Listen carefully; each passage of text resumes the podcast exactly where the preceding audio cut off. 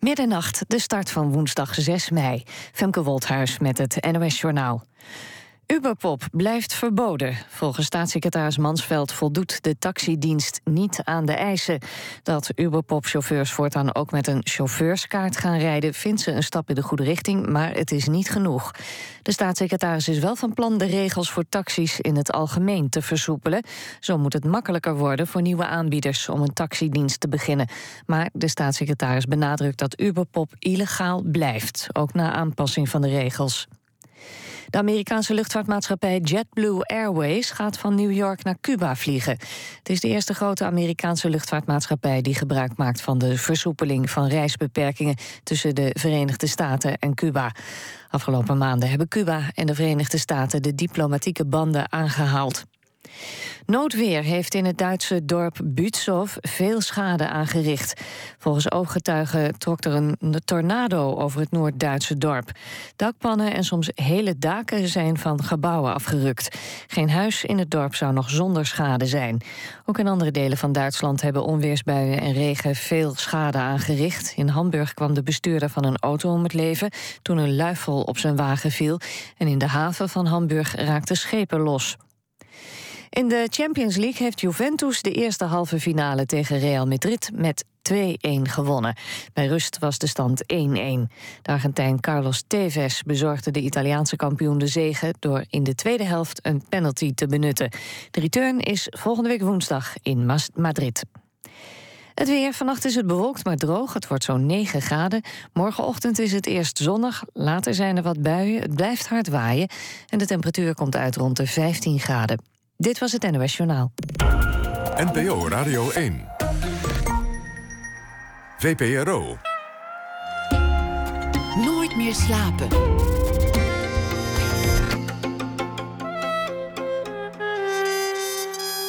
Met Pieter van der Wielen. Goedenacht en welkom bij Nooit meer slapen. Harde gitaren, de kust van Zuid-Europa en altijd weer de oorlog erbij halen als je het even niet meer weet in een discussie. Dat allemaal in het tweede uur, na één uur. Een eh, rockopera en videogame in één met grootheden uit de metal die hebben meegewerkt. Karma Flow is de titel. De wet van Godwin, een discussie die je dood kunt laten slaan door gewoon over de nazi's te beginnen. Er is zelfs een lezing daar genoemd, straks een verslag daarvan.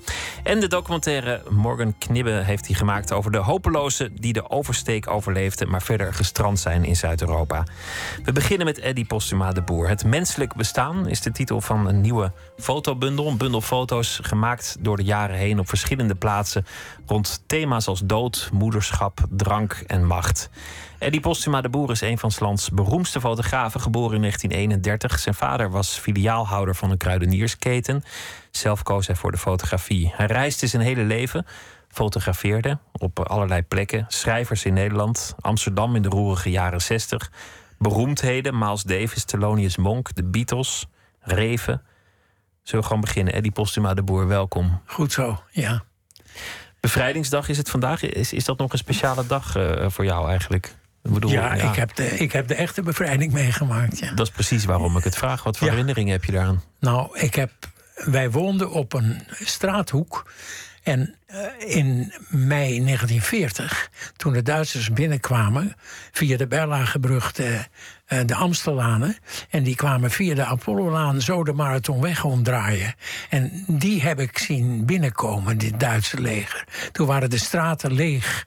Maar al die militaire voertuigen en zo, ja, dat is mij bijgebleven. De hongerwinter, de hele, hele uh, Tweede Wereldoorlog natuurlijk. Maar de bevrijding, op dezelfde manier kwamen de Canadezen binnen. Dezelfde dus, hoek. Dezelfde, dezelfde hoek zag ik toen de Canadezen. En toen stond, stonden de straten vol met mensen. Als je als een plaatje zou zien, leek het dan eigenlijk op elkaar? De binnentocht van de Duitsers en, en die van ja, de Canadezen? het was een militaire optocht. Tanks, het is allemaal een beetje hetzelfde, tanks, toch? rupsvoertuigen, uh, vrachtwagens met uh, van alles en nog wat. Ja, eigenlijk hetzelfde. Dus het begin en het eind is voor mij die straathoek waar die legers uh, de hoek omsloegen. Op weg naar Haarlem waarschijnlijk, ja. Dat is dan de, de leeftijd van 9 tot uh, 14 ongeveer. Ik, ja. ik, ik probeer het ja, even snel uit te rekenen. Ja. Dat, dat, ja. dat zijn eigenlijk best vormende jaren. Tussen, tussen je 9 en, en je 14e staat dan het, het land min of meer stil. Althans, er gebeurt van alles, maar in je ontwikkeling wordt toch een soort gat geslagen. Ja, nou dat heb ik wel gemerkt, want het onderwijs was natuurlijk slecht. In het begin van de eerste twee jaren ging dat nog wel, maar de, de scholen werden bezet door legers, dus we moesten voortdurend verkassen naar andere schoolgebouwen. En de lerares van de eerste drie jaren, mevrouw Pizarro, die was een Joodse mevrouw en die moest al snel weg. En toen kreeg ik een leraar, of een onderwijzer heet dat, en die man was van de NSB. En op zaterdag stond die man in zijn WA-pak voor de klas te doseren. Want hij moest zaterdagmiddag met, met het WA-regiment door de straten van Amsterdam marcheren. En dat, mijn vader vond dat vreselijk, maar je mocht toen niet meer van school veranderen. Dus wij zaten in die klas en moesten het allemaal aanhoren met die, van die man met die pet en die pofbroek. Vreselijk. Durfden jullie te klieren met een nazi voor de klas? Nee. Ik weet het niet meer zo goed ook. Het is, weet je, als kind, je neemt alles aan voor wat er voor je neus gebeurt. Dat is, het is afschuwelijk, maar mijn vader had natuurlijk meer geweten dan een jongetje van twaalf die overal verbaasd tegenaan kijkt. Maar ik weet nog wel dat die man uh, vreselijk uh, verhalen vertelde over de nieuwe orde. En dat ze met luidsprekerwagens door de straten reden. En al kroop je onder je bed, je moest het verhaal van de NSB horen. En ik zat eh, naast een jongetje die. Uh, een tweeling en het, zijn tweelingbroertje, een eigen tweeling, die zat voor mij. En dat waren Joodse jongens. En die waren op een gegeven moment weg. Toen was de halve klas ook leeg. Ja. Als je zo jong bent, dan, dan neem je dat misschien voor kennisgeving aan. Of dan, dan heb je natuurlijk weinig referenties, eh, weinig ervaring, waardoor dingen misschien gewoner lijken. Ja, je hebt geen referentie, het overkomt je. En ja, het is natuurlijk heel vreemd, maar je neemt het voor kennisgeving aan. Maar ik kon, ik kon dat niet vreselijk vinden, want ik wist ook niet dat die kinderen en die mensen regelrecht naar Sobibor gingen. Dat wist je toen niet. Ik heb zo in de, in de tram op het Olympiaplein nog afgezwaaid, bij wijze van spreken, toen ik na die razzia met mijn broer de straat opliep. Toen zag ik dat allemaal. Maar ja, consequentie daarvan wisten we niet. Later wel. Heeft het um, door, doorgewerkt in je werk? Omdat een van de thema's die ik, die ik eigenlijk meen te herkennen in dat, dat enorme oeuvre is toch wel vrijheid. Toch altijd een soort drang naar ja. vrijheid en bevrijding. Ik heb de, na het einde van de Tweede Wereldoorlog ben ik nog een paar jaar op school geweest. En toen ben ik altijd in vrijheid, heb ik mijn eigen keuzes gemaakt.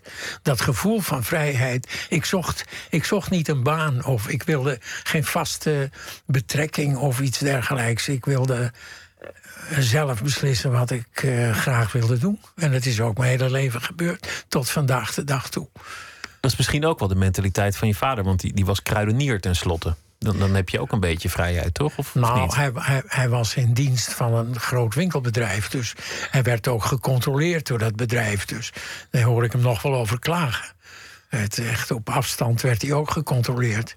Dus of het wel goed ging. Het was niet de kruidenier die, die uh, als een middenstander nee, nee, zijn nee, eigen broek nee, nee, hij had gewoon een baan. Ja, ja. en dat, uh, ja. Jee. Maar een heel ander soort leven heeft hij gehad dan ik. Ja. Maar ik heb genoten van die vrijheid hoor.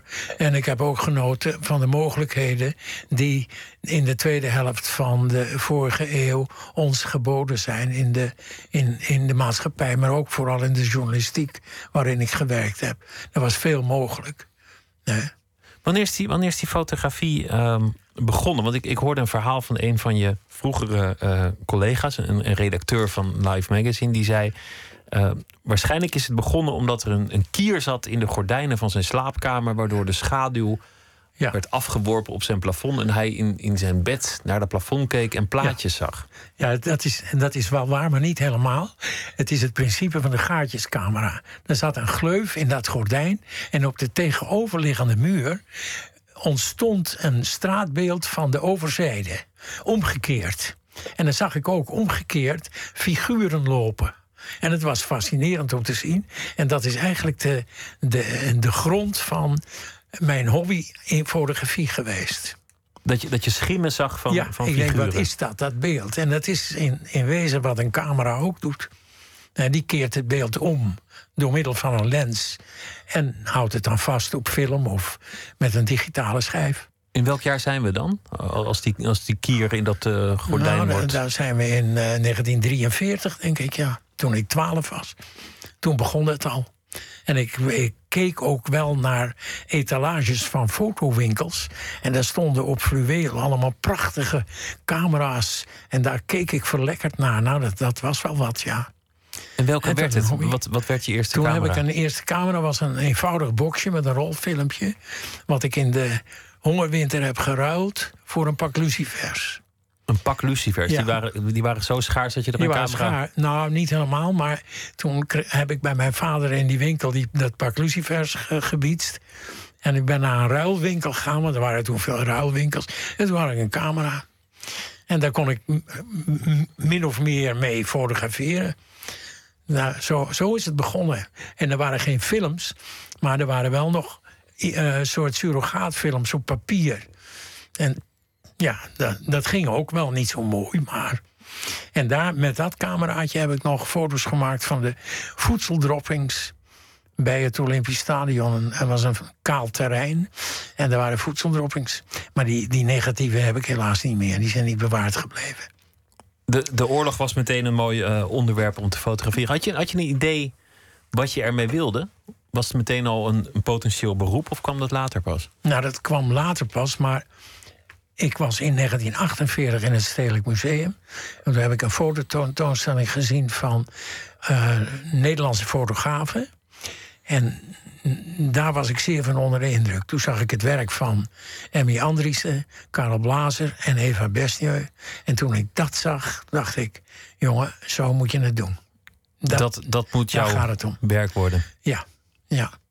Heeft mij zeer geïnspireerd.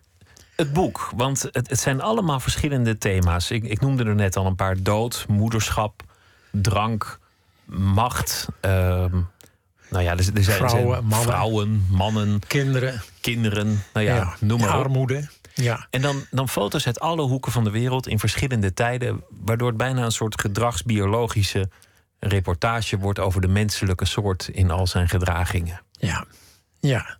Ik heb 16 hoofdstukken heb ik gemaakt. En dat is een verzameling in thema's die eigenlijk altijd wel in mijn eh, hoofd heb- hebben gezeten. Tijdens het fotograferen. Kijk, ik moest voor reportages de wereld rond. Maar ik keek ook altijd nog voor mezelf rond. Wat er verder gebeurde, wat er verder te zien was. Ik, ik had nooit.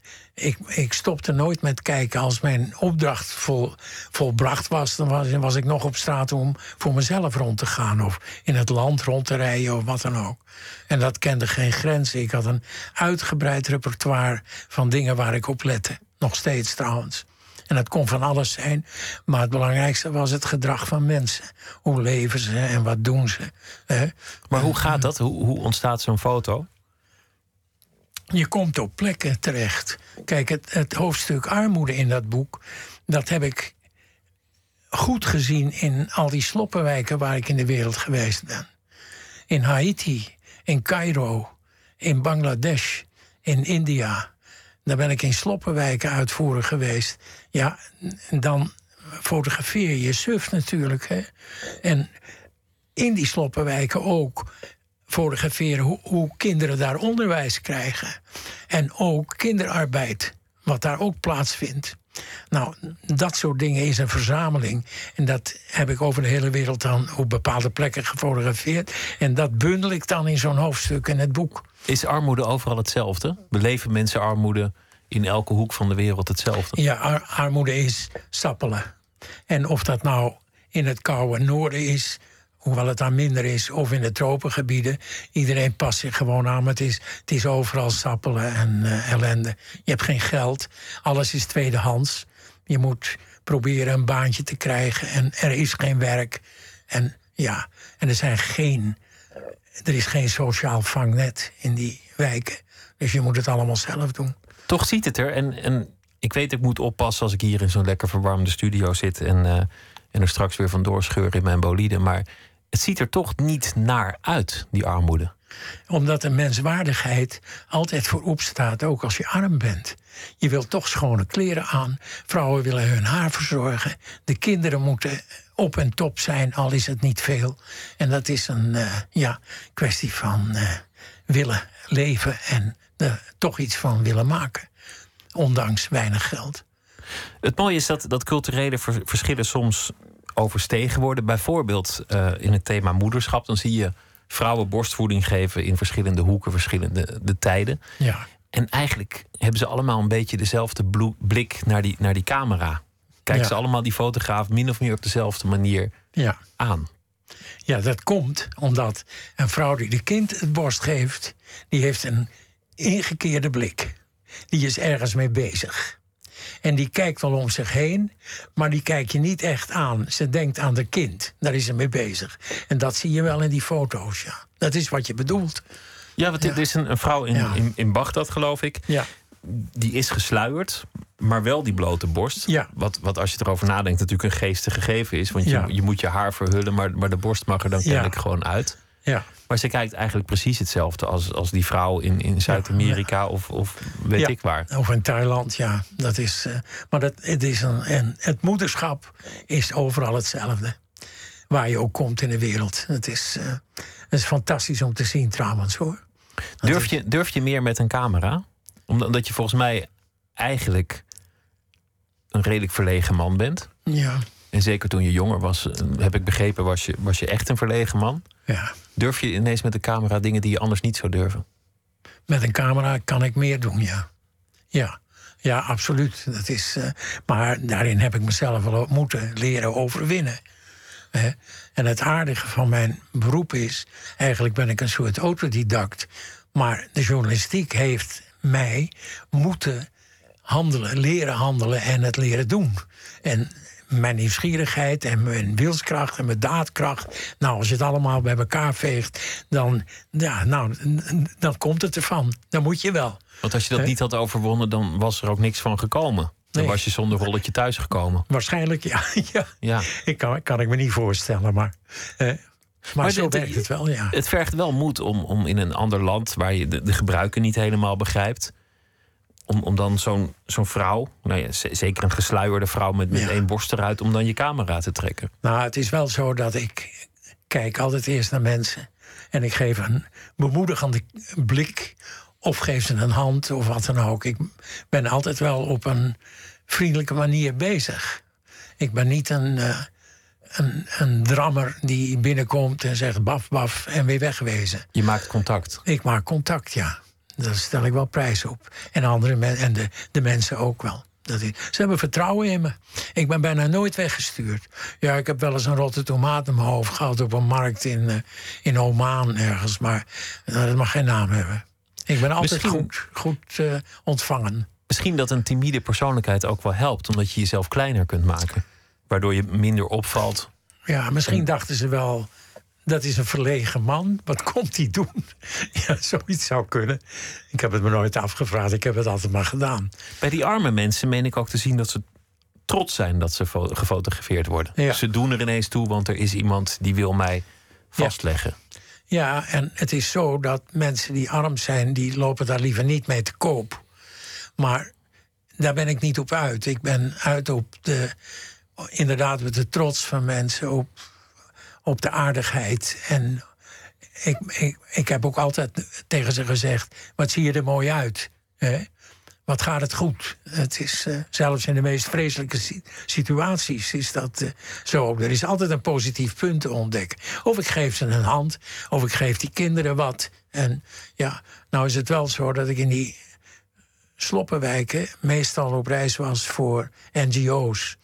Ik heb veel op de, in de wereld gefotografeerd, ook voor Ter des Zomer, voor het Rode Kruis en zo. Dus dan moest je ook dingen vastleggen hoe geld daar besteed werd. En eh, ja, dan kom je ook tot in de krochten van dat soort dingen terecht. Niet de leukste eh, momenten, maar toch op Nee. zoek naar, naar waardigheid en, en trots van, van Ja. het onderwerp. Ja, altijd, ja. Ja, We gaan van de, van de krottenwijken eh, naar, naar de, de glamour en, en de glitter en, en de roem. Juni 1964, niet zo lang geleden is er zelfs een expositie van geweest. De foto's die je toen maakte van ehm, het enige bezoek van de Beatles in die hoedanigheid aan Nederland. Ja. Zonder Ringo Starr, die, eh, die, die was een beetje vermoeid. Die had geen Ja. zin. Die stuurde een vervanger. ja. Hoe ging dat? Ik werkte toen eh, voor de Volkskrant. En om, ik, ben, ik ben nog steeds een jazzliefhebber, dus popmuziek, dat dacht ik, ja, nou, dat, dat is er ook. Maar daar luister ik niet zo naar. Maar ik werd opgebeld door de fotoredactie van de Volkskrant... of ik de volgende dag even eh, twee dagen beschikbaar wilde zijn... om eh, de Beatles te fotograferen. En toen kreeg ik drie eh, perskaarten mee. Voor Schiphol, voor de televisiestudio in... eh, in Hillegom voor de rondvaartboot. En ook nog voor het concert in Blokker. Toen ben ik twee dagen achter ze aangehold. En dat ge- gefotografeerd. Van die hele gebeurtenis zijn er twee of drie foto's in de krant gekomen. Maar Ze waren Dit- toen al, al wat jonger dan jij zelf. ja, ja, ja, ja. ja. Nou, Ik- er staat niet zoveel tussen. Een halve generatie, bij wijze van spreken. Een jaartje of tien of zo. Ja, oké. zoiets, ja. Maar eh, dit voorjaar was het eh 50 jaar geleden. En toen ontstond de behoefte, vooral in Blokker, bij die, bij die veilinghal, bij die mensen, om er iets aan te doen. En er was er een uitgever en die zei: Wil je ze niet bundelen, die foto's? Daar heb ik er een boekje van gemaakt. Ja, leuk boekje. Ja. Leuke plaatjes. We gaan luisteren naar eh, de Beatles. Een, een jaar later, 1965, van het album eh, Rubber Soul. Een eh, liedje van John Lennon, Girl. Is there anybody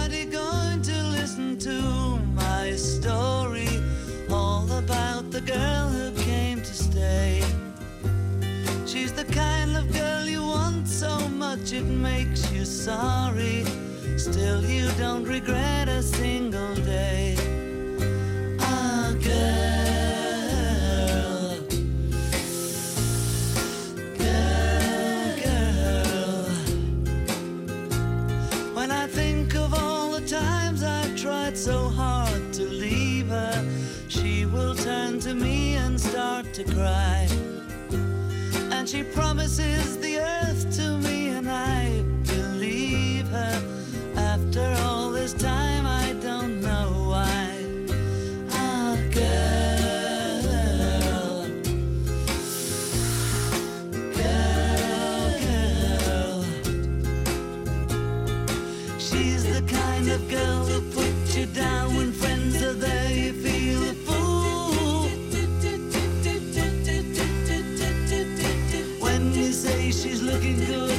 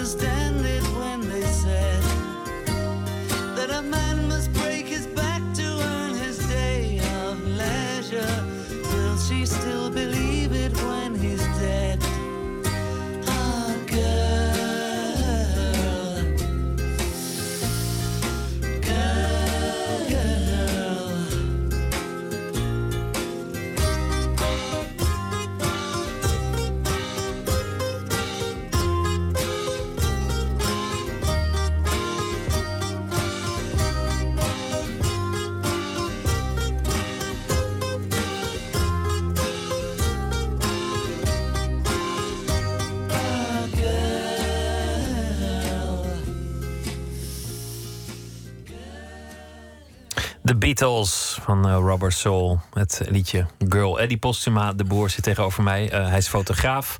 Fotografeerde de Beatles in eh, juni 1964 alweer. Blijft Ja. toch mooi, de Beatles.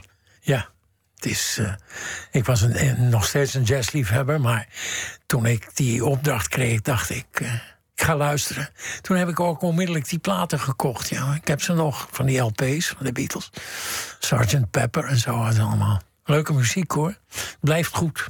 En een leuke tijd. Want Ja. je, je zei net, ehm, de, de journalistiek heeft mij heel veel kansen gegeven. Zeker in die periode. Het was natuurlijk ook een, een tijd waarin Nederland zich bevrijdde. En, Ja. en het juk eh, van de, de kleinburgerlijkheid en andere dingen afwierp. Ja. Ja. Van het geloof afviel. Ja. Eigenlijk was het ook een wat, wat makkelijker samenleving in bepaalde opzichten dan, dan nu zou je zou je zeggen. Maar de, de kruidenierszoon die kwam ook ineens in, in de Amsterdamse kringen. Ja. Hing rond met schrijvers, met kunstenaars, ging naar sociëteiten, reisde de wereld af. Moet Ja. een enorme periode van bevrijding zijn geweest. Ja, maar ik kwam terecht op het Leidseplein. Er zijn twee plekken in Amsterdam die voor mij belangrijk zijn geweest. Dat is het Leidseplein en het is de Nieuwezijds Voorburgwal. De Leidseplein, daar werd je geacht eh, kunstenaar te worden. en, en op de Nieuwezijds Voorburgwal, daar kreeg je de kans om in de journalistiek iets te gaan doen. Want daar zaten toen nog alle kranten, het Alle Handelsblad kranten, en ja. eh, Volkskrant, Parool. Handelsblad, Telegraaf, De Tijd, Vrije Volk iets verderop. Eh, de Haagse Post zat er, Elsevier om de hoek. Nou, dat was een, eh, ja, een centrum van activiteit op, op, op journalistiek gebied. Daar werden de kranten ook nog gedrukt. De verkiezingsuitslagen die hingen daar met papieren voor de ramen nog en zo. Dat, dat was allemaal heel eenvoudig vergeleken met nu. Maar die kansen heb ik gekregen. En eh, ik heb daar ook leervaders gehad natuurlijk. Imre Rona, die man, die had een fotobureau... eh, waarin hij foto's eh, van internationale fotografen in Nederland verkocht en andersom. En die man die heeft mij voor het eerst ook goed op reis gestuurd. Ik ging naar Moskou in 1961, naar Berlijn in 62. Later ben ik met Notenboom veel op reis gegaan. Ik was met Notenboom in 68 in Parijs met die meirevolutie. vrij Ja. lang hè, in Parijs geweest. Ja. Niet, niet, niet zomaar een paar weken, maar volgens mij maanden aan één. Nee, ik ben altijd kort geweest. In die journalistiek ben je altijd kort op reis. Hè? Ik, ik, ik heb nooit zes maanden door Zuid-Amerika gezworven. Het is gaan en komen. En dat, je hebt ook een deadline voor de krant natuurlijk. En een budget wat en eigenlijk eindig is. Dat, je kunt niet zes, dat, dat, dat is me nooit overkomen. Maar dat vind ik ook niet erg hoor. Als ik thuis was, dan ging de telefoon alweer voor een volgende opdracht. Je dochter was niet zo lang geleden hier eh, te gast in dit programma. Eva Postuma de Boer, eh, Ja. inmiddels schrijver. Zij vertelde eigenlijk over die tijd. Nou ja, ze was heel positief. Ze zei het was heel leuk. En, en toen ze tiener was, jatte ze de wiet van Simon Vinkenoog. Want die Ja. kwam over de vloer. En, eh, Ja. En een, een, een vrije omgeving. Maar ze zei ook van ja, papa was altijd aan het werken. En dan zei hij, nou, ik ben even drie dagen weg. En dan werd het zes weken. Ja, nou, nee, dat is niet waar. Nee. Ze, zij vertelde het. Ja, nou, zes weken, nee, dat is nooit gebeurd. Wel, wel een keer drie weken of zo. Maar ja, de budgetten waren op. Ik, er was geen geld, maar dan moest je weer naar huis. En ik had een deadline. Maar voor een kind van tien lijkt, of twaalf lijkt dat veel langer natuurlijk. Ik kan me voorstellen dat ze dat idee heeft. Ja. Wat was uiteindelijk ehm, ja, de, noodzaak om, om steeds op pad te gaan? Lo- Los van dat je natuurlijk een opdracht en een honorarium en, en, en toch weer een leuke klus. Maar er lijkt meer achter te zitten, achter, achter die rusteloosheid en die drang om steeds weer in te stappen met een camera en te gaan. Ja, dat is mijn nieuwsgierigheid. Ik heb in mijn prille jeugd woonden wij in, in eh, Plan Zuid van Berlage. En ik heb al, als, als klein jongetje al heb ik me verbaasd over die architectuur uit die buurt. Want die is zeer afwisselend. Dat, het zijn poortjes en vreemde huisnummers en mooie deuren, allemaal weer anders en zo. Ik heb me er altijd over verbaasd. Kijken is, eh, is, heeft altijd bij mij gehoord. Meer dan lezen. Ik las wel, maar kijken had toch de voorkeur. En de nieuwsgierigheid was ook de reden om ergens naartoe te gaan, omdat je dacht: ik ben benieuwd wat daar gebeurt, ik ben Ja. benieuwd hoe het daar is. Ja, dat kwam ook door de oorlog natuurlijk, die afgelopen was.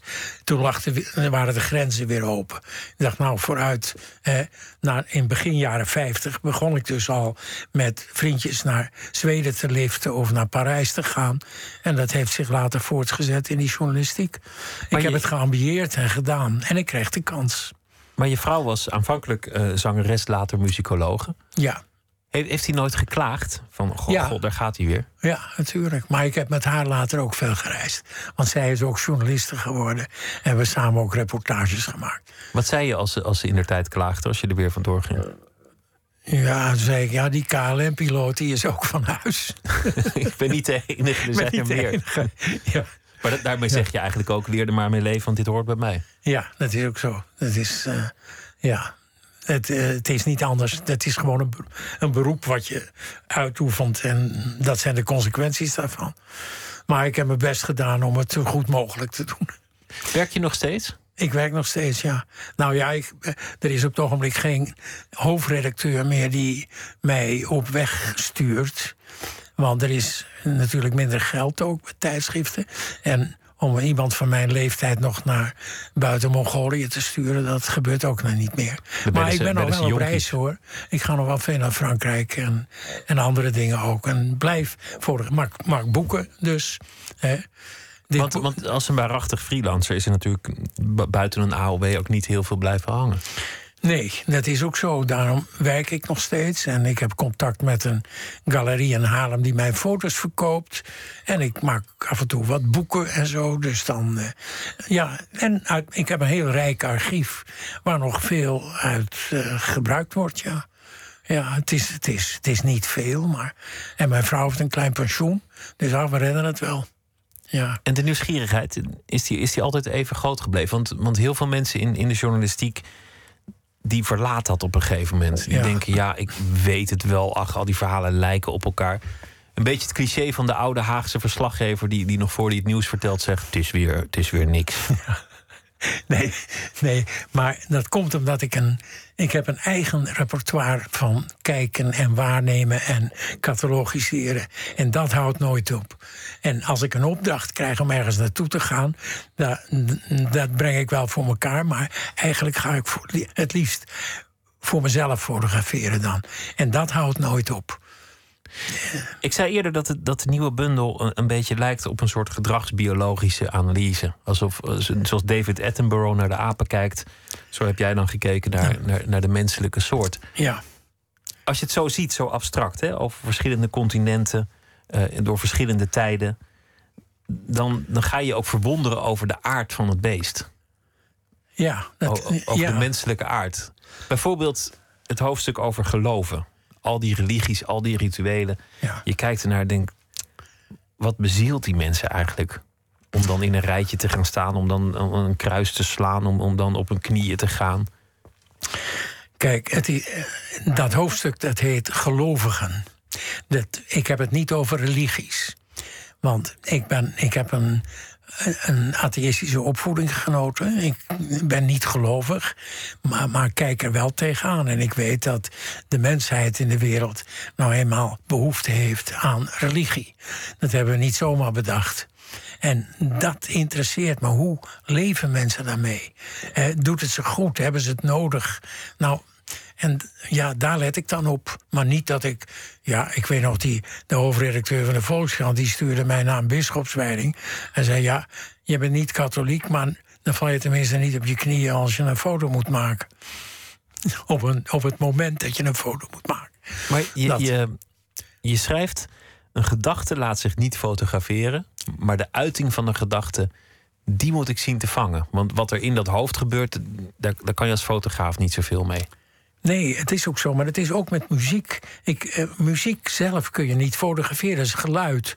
En wat mensen in hun hoofd beleven met geloof, dat, kan ik ook niet fotograferen, maar wel de, de uitingen. Eh, eh, een muzikus die speelt, heb ik de, de, de zintuigelijkheid van muziek gefotografeerd. En bij gelovigen heb ik hun handgebaren, hun kostuums en alles wa- en de rituelen die, ja, die soms fascinerend mooi zijn, heb ik gefotografeerd. En daarmee, dat is de kracht van fotografie. Maar het moet wel, ik moet wel beeld maken natuurlijk. Dat is. eh, Ja, je moet niet de werkelijkheid eh, of de wereld vangen, maar een kader vangen. Ja, ja. En met dat kader, met die foto's, laat je toch wel zien hoe het eigenlijk is. Die foto's vertellen meer dan wat er alleen op staat. Voor de goede beschouwer die eh, kan nadenken over die foto met wat hij zelf weet. En dat vertelt hem dan meer dan dat je alleen maar naar het plaatje kijkt. Je moet er goed naar kijken, naar die foto's. En je moet sterke beelden maken, goede composities, hè, mooie kadreringen, want dat vertelt meer dan een slordige foto. De foto's van de jaren 60 in Amsterdam zijn heel beroemd geworden. Een, een tijd van bevrijding, het, het, het juk afwerpen. Ik, ik zei net al terloops, we leven nu in een volgens mij heel andere tijd. Ja. Hoe heb jij dat ervaren? Hoe, hoe kijk je daar tegenaan vanuit al die periodes die je hebt meegemaakt naar het heden? Ben je Nou. nog zo optimistisch als, als altijd? Jawel, jawel. Want kijk, de veranderingen in de wereld die blijven doorgaan. En ik ben niet iemand die zegt vroeger was alles beter. Dat kan je niet zeggen, want het betere staat nog te gebeuren, roep ik dan maar. En dat is in Nederland ook wel gebeurd. Sinds het, het einde van de Tweede Wereldoorlog heb ik het meegemaakt dat eh, bijvoorbeeld het hoofdstuk Mensen op zondag. Mijn vader heeft nooit vakantie gehad. Die kreeg in. Die had tweede paasdag, tweede pinksterdag, tweede kerstdag en hemelvaartdag had hij vrij. En op zondag moest hij de winkel schoonmaken en zijn administratie doen. Die kreeg tweede helft jaren 50 drie dagen vakantie per week. Dat was alles.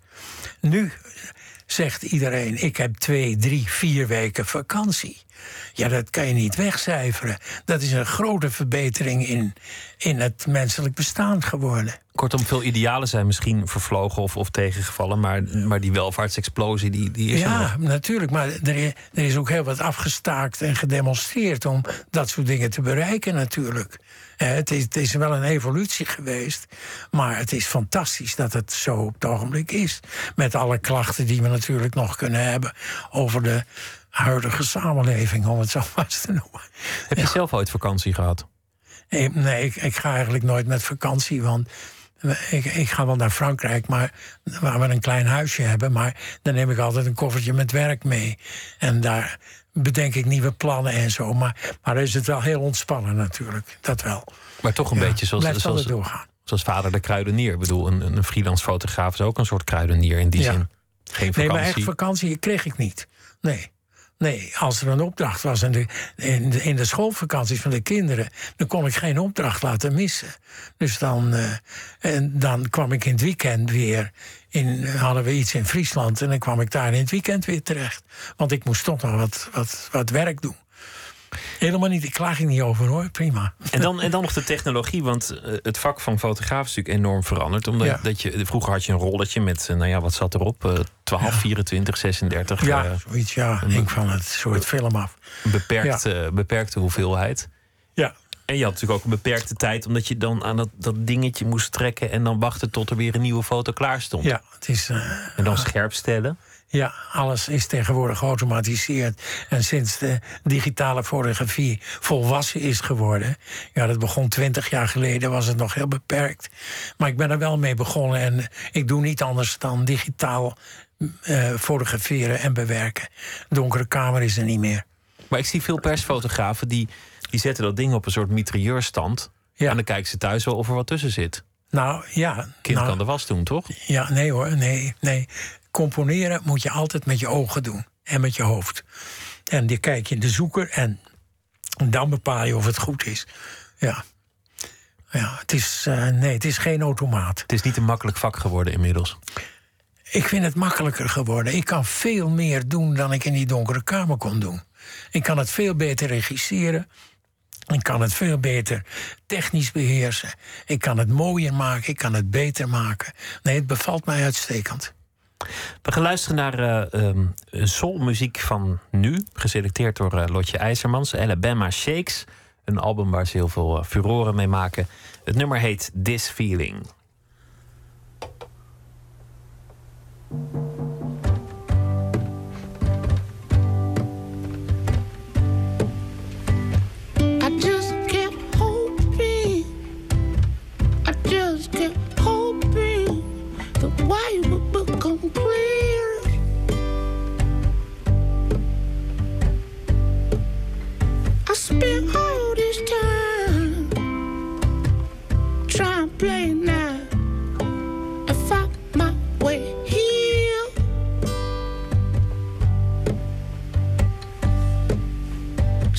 Been having me a real hard time, but it feels so nice to know I'm gonna be alright.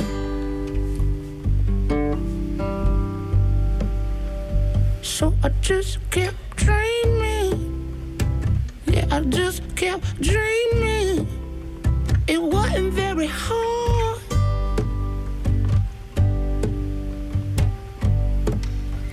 I spent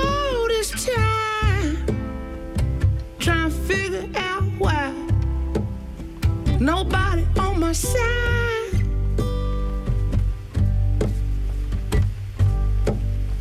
See, I've been having me a real good time.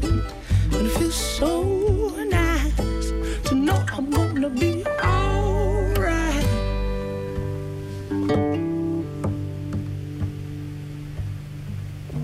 So please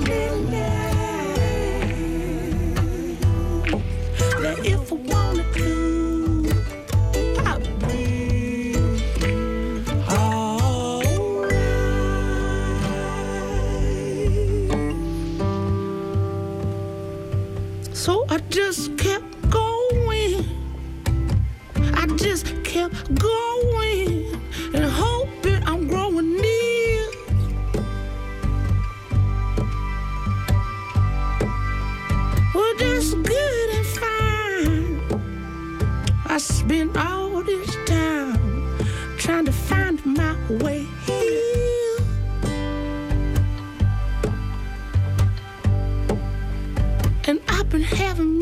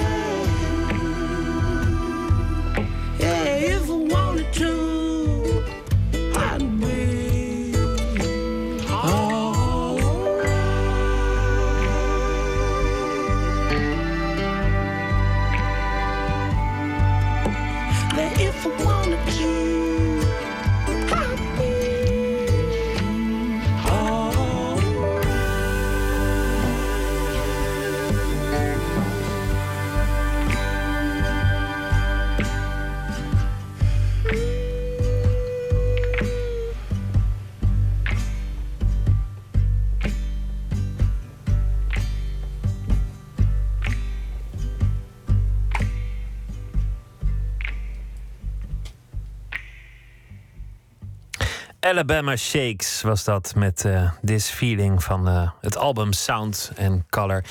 Eddie Postuma de Boer zit eh, tegenover mij naar aanleiding van het nieuwe boek dat uit is gebracht. Een, een bundel met de titel Het Menselijk Bestaan. Mensen over de hele wereld in verschillende tijden rond thema's dood, moederschap, drank en macht. We hebben het gehad over de bevrijding. Je zei het lijkt eigenlijk net op de aankomst van de Duitsers. Die Canadezen kwamen de straat binnengereden. Ja. En het zag er ongeveer hetzelfde uit. In die oorlog, via een, een kier in het gordijn, raakte hij gefascineerd door de weerslag van beeld en schaduw. En zo kwam de fotografie, gereld voor een doosje lucifers. Ja. Die, waren, die waren even schaars. En zo begon je met eh, fotograferen. Je, je kreeg je idolen en uiteindelijk je carrière ook in de, in de journalistiek. Je zei het zijn goede jaren geweest. Het heeft me over de wereld gebracht. Je was vaak van huis, maar nooit lang. Maar eh, vaker dan je vrouw lief was misschien. We hebben het gehad over de Beatles. We hebben het gehad over, eh, terloops over de jazzconcerten. Daar zou ik nog heel lang over kunnen uitweiden, maar dat, dat doen we dan maar eventjes niet. Andere keer maar. En over alle thema's die je hebt gefotografeerd over de wereld, over de, over de menselijke aard. Ja. Wat heeft het leven je uiteindelijk geleerd? Ehm, ja, hoe moet je dat uitleggen? Ik ben ontzettend tevreden met, op mijn leeftijd, dat ik eh, zoveel van mijn vak heb genoten. Dat ik het heb kunnen doen. En dat is me bijgebleven tot vandaag de dag. Ik heb respect voor, voor, voor, voor het vak, voor journalistiek. En, en ja, dat, dat is het belangrijkste, geloof ik. Dat ik eh, heel te, blij ben dat ik het heb mogen doen. Al die jaren. Je hebt het ook zelf gedaan. Het is ook ja, je ik, het verdienste. is mijn eigen keus geweest, maar ik heb, mm, nou ja, want er er was ooit een hoofdredacteur Joop Zwart die tegen mij zei: Ja, complimenten geef ik niet. Het beste compliment is de volgende opdracht. En dat, dat is me ook altijd bijgebleven. Ik heb nooit gebrek aan opdrachten gehad. Dus daar kijk ik best goed op terug. En de gelegenheid die ik heb gehad door die journalistiek om in de wereld rond te kijken, om mensen te ontmoeten, om alles te fotograferen wat me interesseert, daar ben ik ontzettend tevreden mee. En dat is ook de weerslag in dit boek. Het is een vrij ingewikkeld boek. Het zit dankzij de, de medewerking van Hans van Blommestein, die dat in elkaar heeft gezet. Dat kan ik ook weer niet. Daar heb je een vormgever voor nodig. Maar, maar ik heb hem wel opgezadeld met een ingewikkeld eh, project. Maar uiteindelijk is het heel goed, goed gekomen. Maar het lijkt me ook in persoonlijke zin een. een eh, nou, ingewikkeld is niet het woord, maar een interessant project. Omdat je geconfronteerd wordt met heel veel momenten in je eigen leven. Ik bedoel, ik zie de foto die jij maakt, maar voor jou is, is daar een moment in de tijd jezelf als jonge man. Eh, ja, misschien Eddie die, die heimwee had, Eddie die honger had, Eddie die dorst had, eh, eh, Eddie eh, die het helemaal ging maken. Je wordt ook met jezelf geconfronteerd. Altijd. Ik neem je neemt altijd jezelf mee. Als je nieuwsgierig bent, dan ja, je, je, je vergelijkt het natuurlijk met alles wat ik zie, vergelijk ik met mijn eigen leven, met mijn eigen land, met mijn eigen stad. En dat moet je ook wel doen, want anders begrijp je het niet. Het zijn ook het zijn jouw fascinaties. Dus, Ja. dus, dus dat moederschap erin voorkomt en vaderschap niet. Dat drank erin voorkomt of dood. Dat zijn eigenlijk allemaal je eigen. Ja, dat is ook zo. Ja, ik heb ja, de dood ook. Het is dan, ik ontkwam er niet aan om daar een hoofdstuk van te maken. Maar vaderschap, ach, dat ben ik zelf. En dat heb ik niet gedaan. Ik heb wel een hoofdstuk over mannen gemaakt. En ik heb allemaal foto's geselecteerd van mannen die uniformen dragen. En met dat hoofdstuk laat ik zien dat hoe macht in de wereld eigenlijk werkt. De macht is altijd een uniform geweest. En in de oorlog ook eh, het eerste woord in Duits wat ik leerde, wat ik vernam, dat was veldwebel. En dat is een rang in het Duitse leger. En die Duitse soldaten die marcheren destijds door die straten bij ons en zo. En dat, ja, voor mij zijn dat, is macht altijd een uniform geweest. En daarom heb ik het hoofdstuk ook toebedeeld aan foto's van mannen in uniformen. Veldwebel, ja, eigenlijk, eigenlijk is elke machthebber een soort veldwebel. Dus gewoon een Ja. mooi woord ook, Ja, vind ik. ja, ja. Die, die WA er voor de klas. Ja. Veldwebel. Ja, ja ook veldwebel, ja. ja dat Je is hebt, ook, je hebt ook je eigen ehm, dode vader ge- gefotografeerd. Ja, toen hij in 76 overleed. Ik had hem een, paar we- een- een week daarvoor eh, nog in het ziekenhuis bezocht. En toen kreeg ik het bericht dat hij was overleden. Ben ik naar het ziekenhuis gegaan. Toen lag hij inmiddels in een klinische kamer eh, op een bed, een soort bed. En daar was niets behalve een witte kamer met heel kil licht. En daar heb ik hem nog gefotografeerd. En dat, toen was echt, eh, wat ik altijd zeg, het verschil tussen het leven en de dood is zo ongelooflijk groot. Dan is echt alles weg. En wat is er nog over? Nou, ik heb het gefotografeerd. Ik heb een portret van hem gemaakt zoals hij daar lag. En dat heeft 35 jaar lang ongeafgedrukt in mijn archief gezeten. En nu met dit boek, voor het laatste hoofdstuk, dacht ik, die foto moet erin.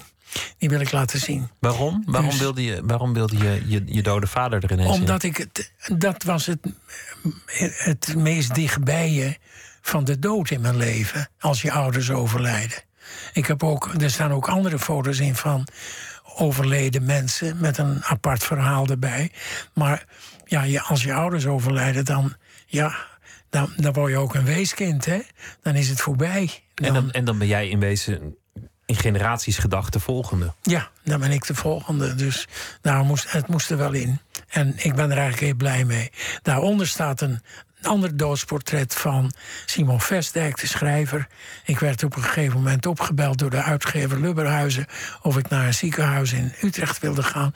Want die nacht was Vestdijk overleden. En Lubberhuizen die zei, maak een mooi doodsportret van hem. Nou werd dat vroeger vaak gedaan, maar de laatste tijd niet meer. Ik denk dat dat tegenwoordig onkies gevonden zou worden. Ja, Maar Vermoed vroeger ik. werden ook dodenmaskers gemaakt hè, van mensen. En van beroemde mensen en zo. Maar dat wordt niet meer gedaan. Maar die foto staat er ook bij. Twee mannen, mijn vader en de schrijver.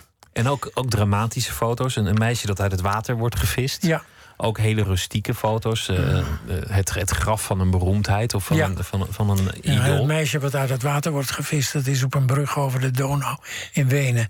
En dat is een bekende plek voor een suïcidale plek. Dat is, eh, en die, toen ze die uit het water haalden, was het ook afgelopen. Ja, dramatisch moment. Maar ja, Je bent, ehm, nou ja, je bent flink in de tachtig eh, inmiddels. Veel van, veel van je companen van vroeger aan het Leidseplein en eh Nieuwe Zets Voorburgwal, die zijn er niet meer. nee. Zel- Zelf ga je, ga je lekker stug door. Ja. Het, het hoofdstuk drank, nog steeds elke dag een borrel? Elke dag een borrel, ja. Ja, zo ben ik ook niet opgevoed. Mijn vader was ook geheel onthouder. Maar ik heb wel leren drinken. En dat eh, laat ik me ook niet meer afnemen. Nee, je zegt het ook met een soort trots van nou, Ja. gelukkig ik ja, niet. ja, hij kan wel wat. Ja, zeg Hij kan wel wat, geheel onthouden. Ja, Het zal ja. me gebeuren. ja, maar dat was echt idealisme uit de, eh, de eerste helft van de vorige eeuw. De blauwe Eh, knoop. De blauwe knoop, ja. Maar Want, je vader was natuurlijk ook iemand die zich geëmancipeerd heeft van, van een redelijk eh, eenvoudige Friese afkomst, naar ik heb begrepen. Ja, naar, ja. naar toch een soort filiaalhouder van meerdere kruidenierszaken. Ja, Zij het in loondienst. ja, ja. Daar hoorde misschien ook een zekere tucht en discipline bij. Ja, hij had een verantwoordelijkheid, had hij wel. En eh, ja, dat, eh, dat hoorde erbij. Maar ik moet zeggen, vroeger waren mensen ook meer verplicht aan hun baan. Dat is tegenwoordig ook anders. Eh, Mensen wisselen gauw van baan tegenwoordig. En ze hebben geen zin meer. Dus ze gaan op een sabbatical. En dat bestond vroeger niet. Nee, Je- maar, je maar werkte- andersom, werkgevers die, die wisselen ook sneller van, van werknemer. Ja, dus. ja het, eh, de wereld is wel veranderd hoor. Ja. Wat, eh, wat zijn je plannen? Want, want, nou ja, laten we zeggen nog tien jaar of zo. Of, of nog vijftien. Of eh, Ja, maken er twintig van. Ik roep niet? altijd gekscherend, ik word 125. En we zien wel. We ik geloof wel. dat het de beste instelling is. Ja. En er Nou. is genoeg te doen. Ja, ik heb al weer een, twee andere boeken die ik wil gaan maken. Dus ja, daar ben ik dan mee bezig. En een nieuwe tentoonstelling komt er ook weer aan over eh, de krant. Ja, ik heb een, eh, tijdens mijn leven altijd mensen gefotografeerd die in een krant lezen. En omdat de, de, de toekomst van de papieren krant eh, ten einde raakt de volgende generaties, vroeg het persmuseum mij: wil je een tentoonstelling maken van je foto's van krantenlezende mensen? En dat gebeurt. De zomertentoonstelling in. eh, in juni en juli gaat daarover 50 foto's van mensen over de hele wereld die een krant in hun handen hebben, waar ze in lezen. In de meest gekke situaties ook. Dan moet ik meteen denken aan een foto, maar, die was geloof ik niet van jou. Van, van de moord op Kennedy en de hele bus met, met die krant voor zich. Ja, ik heb wel toen met de moord op Kennedy op de Dam een foto gemaakt. Dat mensen in het parool lezen. En dat, die foto die komt er ook, ook bij. En dan zie je op die krant de foto staan van Lyndon Johnson... die in het vliegtuig de ETA vlecht als president. Een historische foto ook geweest. Ja. Dat is eh, deze zomer te zien in het eh, persmuseum. Persmuseum. En het boek dat eh, nu verschenen is, dat heet Het Menselijk Bestaan. Eddie Postuma de Boer, dank je wel. Leuk dat je te gast wilde zijn. En veel succes met alle plannen en alles wat je verder nog gaat doen. Dank je wel. Dank je. De Libris Literatuurprijs die wordt aanstaande maandag uitgereikt voor de 22e keer. De winnaar schuift na afloop aan. En elke avond hebben we iemand die één van de kandidaten zal aanprijzen. Christian Wijts doet dat deze nacht. En dat gaat over Teatro Olimpico van Kees het Hart.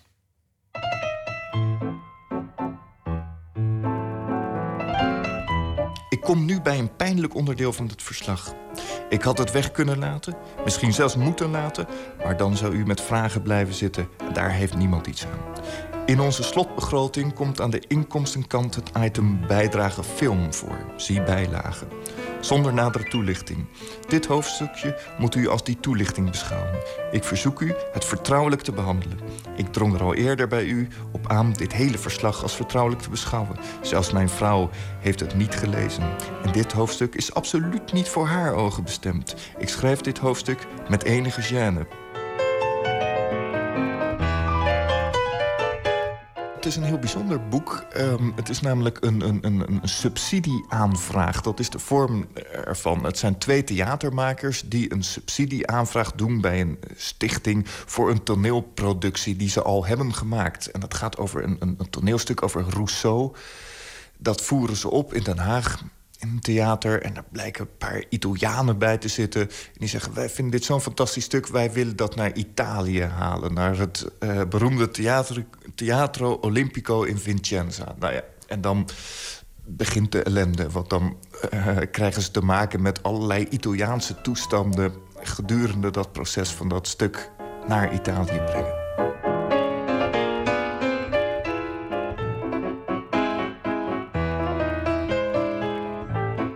Het is ontzettend geestig, dat in de eerste plaats. De hoofdpersonen zijn Kees en Hein.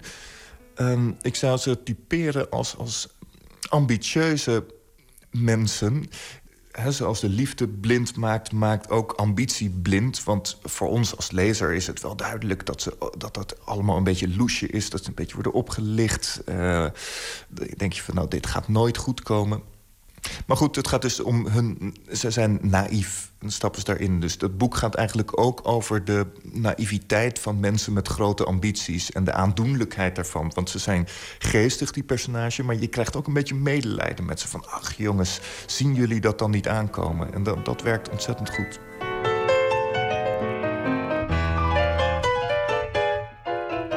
Is volgens mij sowieso het moeilijkste om te doen. Want je moet niet met opzet heel erg geestig proberen te zijn. En, en dijen kletsers eruit gooien. En dan wordt het een soort cabaret. En dit balanceert af en toe tegen die grens aan. Maar het is niet smerend. Het is niet van kijk mij is grappig doen.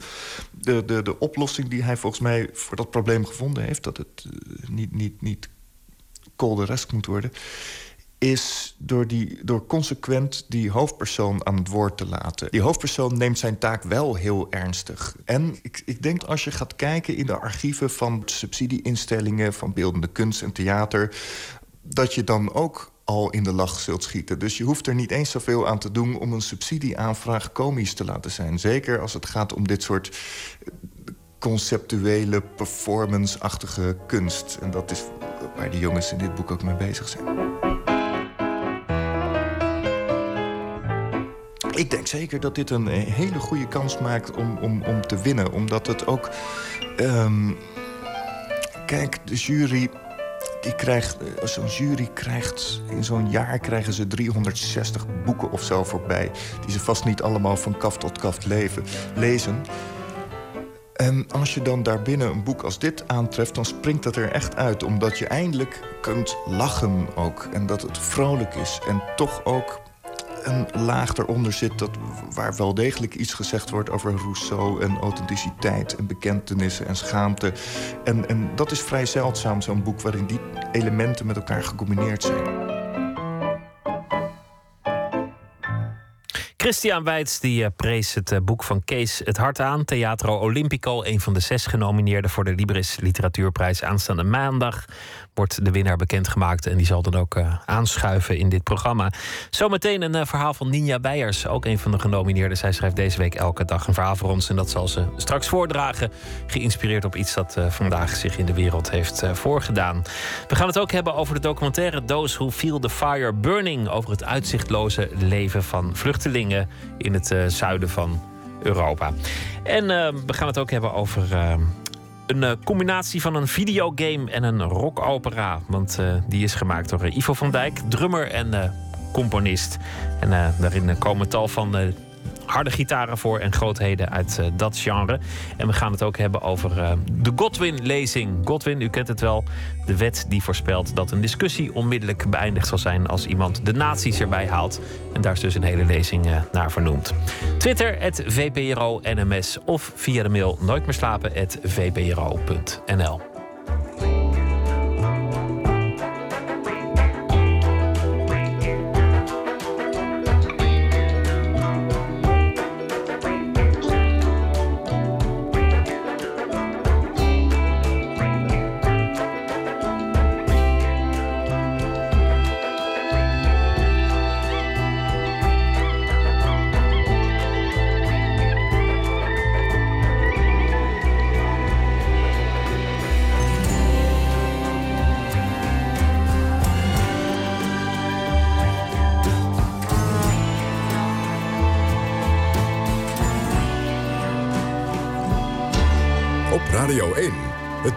van alle kanten.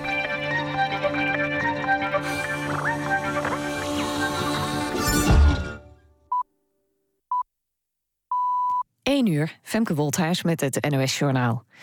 De bevrijdingsfestivals hebben ondanks het soms slechte weer... bij elkaar bijna een miljoen bezoekers getrokken. Dat zijn er 100.000 meer dan vorig jaar. Dat meldt het Nationaal Comité 4 en 5 mei. In totaal waren er 14 officiële bevrijdingsfestivals. En sommige moesten vanwege zware buien of harde wind worden uitgesteld... of delen van het programma werden geschrapt. Nederland heeft zo'n 600 aanvallen uitgevoerd op islamitische staat in Irak. Dat zei luitenant-kolonel Harry Oostema in het programma Pauw. Oostema geeft medeleiding aan de Nederlandse bijdrage aan de internationale coalitie in Irak. Volgens Oostema voert Nederland vooral precisiebombardementen vanaf grote hoogte uit. Oostema zei verder dat IS redelijk is teruggedrongen in Irak.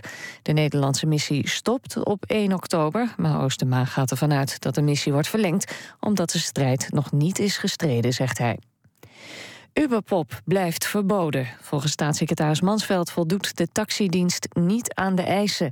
Dat Uberpop-chauffeurs voortaan ook met een chauffeurskaart gaan rijden... vindt ze een stap in de goede richting, maar ze vindt het niet genoeg. Ze is wel van plan de regels voor taxis in het algemeen te versoepelen. Mansveld wil overbodige regels schrappen... en ook moet het makkelijker worden voor nieuwe aanbieders... om een taxidienst te beginnen. Maar de staatssecretaris benadrukt dat Uberpop illegaal blijft... ook na aanpassing van de regels. De Amerikaanse luchtvaartmaatschappij JetBlue Airways gaat van New York naar Cuba vliegen. Het is de eerste grote Amerikaanse luchtvaartmaatschappij die gebruik maakt van de versoepeling van reisbeperkingen tussen de Verenigde Staten en Cuba. Afgelopen maanden hebben Cuba en de VS diplomatieke banden aangehaald. Het weer dan. Vannacht is het bewolkt, er zijn wat opklaringen en het is zo'n 9 graden. Morgenochtend is het eerst zonnig, later zijn er wat buien. Er staat ook nog steeds veel wind. Temperatuur komt uit zo rond de 15 graden. Dit was het NOS Journaal. NPO Radio 1. VPRO. Nooit meer slapen.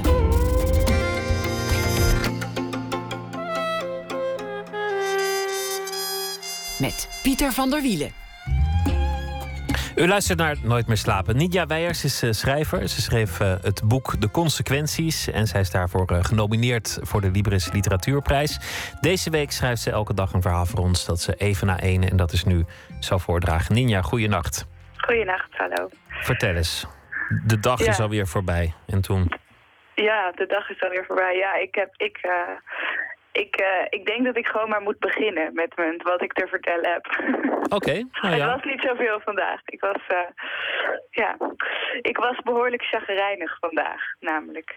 Dat had ik pas echt in de gaten toen ik aan het einde van de dag onder de mensen kwam. Vrienden hadden een etentje georganiseerd. Er was drinken met bubbels, de sfeer was goed. Vriendin M had een ontroerende speech afgestoken over vrijheid en vriendschap. Toen begonnen we een gesprek over bevrijdingsdag, of liever gezegd, ik begon daar een monoloog over af te steken. Ik zei dat ik bevrijdingsdag altijd een ongemakkelijk feestje had gevonden. Met een biertje in je hand de vrijheid vieren op een popfestival in de Randstad. Een excuus om ergens een festival van te maken. Zoals alles een excuus is om ergens een festival van te maken. Dat festival de definitie van vrijheid heeft vervangen en dat het onethisch is. Eerst de koning vieren, dan de vrijheid. Lekker leuk met z'n allen. Wat is Nederland toch een prachtig land. Weten jullie, zei ik, wat er vandaag in vetgedrukte letters op de voorpagina van de Volkskrant stond? Dat het nog steeds niet duidelijk is of bevrijdingsdag nu een nationale vrije dag is of niet, of alleen maar vijfjaarlijks. Heel ingewikkeld en verwarrend. Verder was het ook heel ingewikkeld en verwarrend dat een aantal festiviteiten moest worden uitgesteld of zelfs afgeblazen vanwege de aangekondigde storm.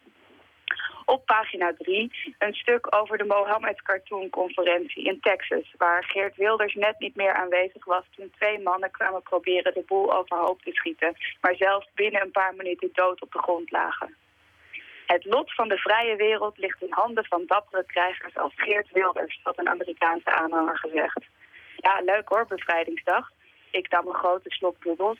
Lekker de Europese droom vieren, terwijl er om ons heen allemaal mensen verzuipen in de Middellandse Zee. Mensen die toevallig in een wat minder fijne droom geboren zijn. Ik dronk de laatste slok uit mijn glas en zette het min of meer met een klap op tafel.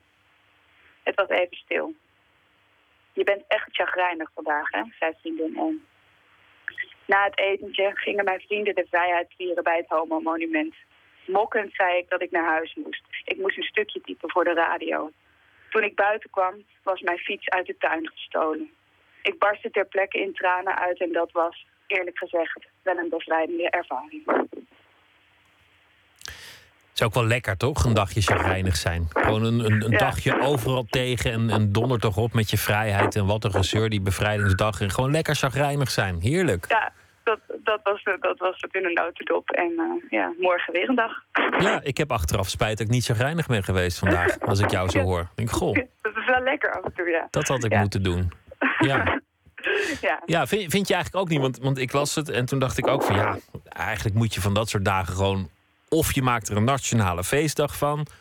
Of je doet het gewoon niet. Maar niet dat, dat getut van eens in de vijf jaar. En, en de een wel en de ander niet per CAO afgesproken.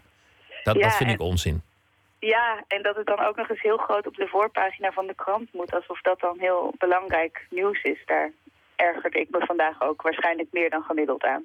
Oké, ja, op die manier. Ja, ik dacht, we hebben zoveel feestdagen. Ik bedoel, dat, als, als ja. we vrijheid echt zo belangrijk vinden, dan schrappen we een van al die andere dagen. De, de hemelvaart, de Pinksteren, de Pasen, weet ik het. Ja, Kan, kan er altijd wel eentje uit. Ja, klopt.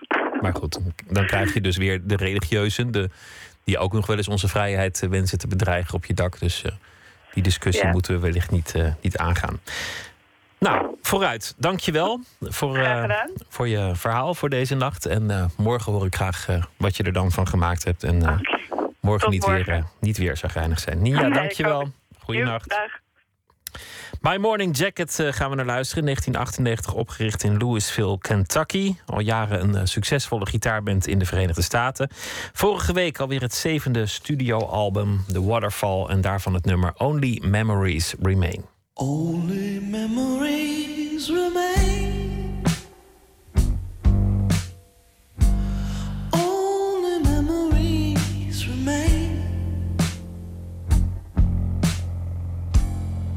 For a time there by the sea. There was only you and me. In a land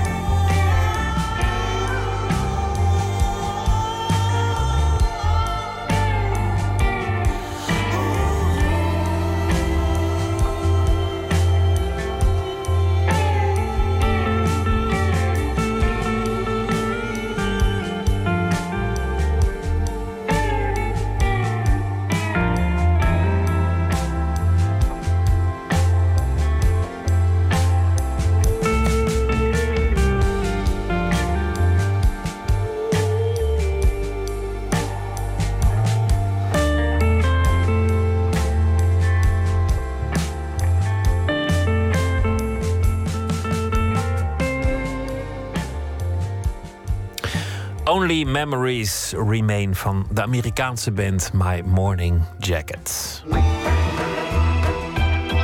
Nooit meer slapen. Documentaire Those Who Feel the Fire Burning gaat over het uitzichtloze leven van vluchtelingen die vast zijn komen te zitten aan de rand van Zuid-Europa.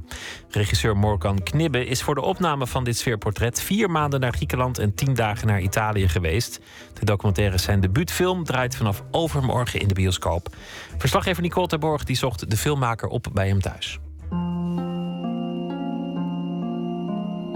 Tijdens het filmen werd ik echt ontzettend overrompeld door nou, de hoeveelheid mensen die extreem verdrietig waren, maar ook door het mediacircus eromheen.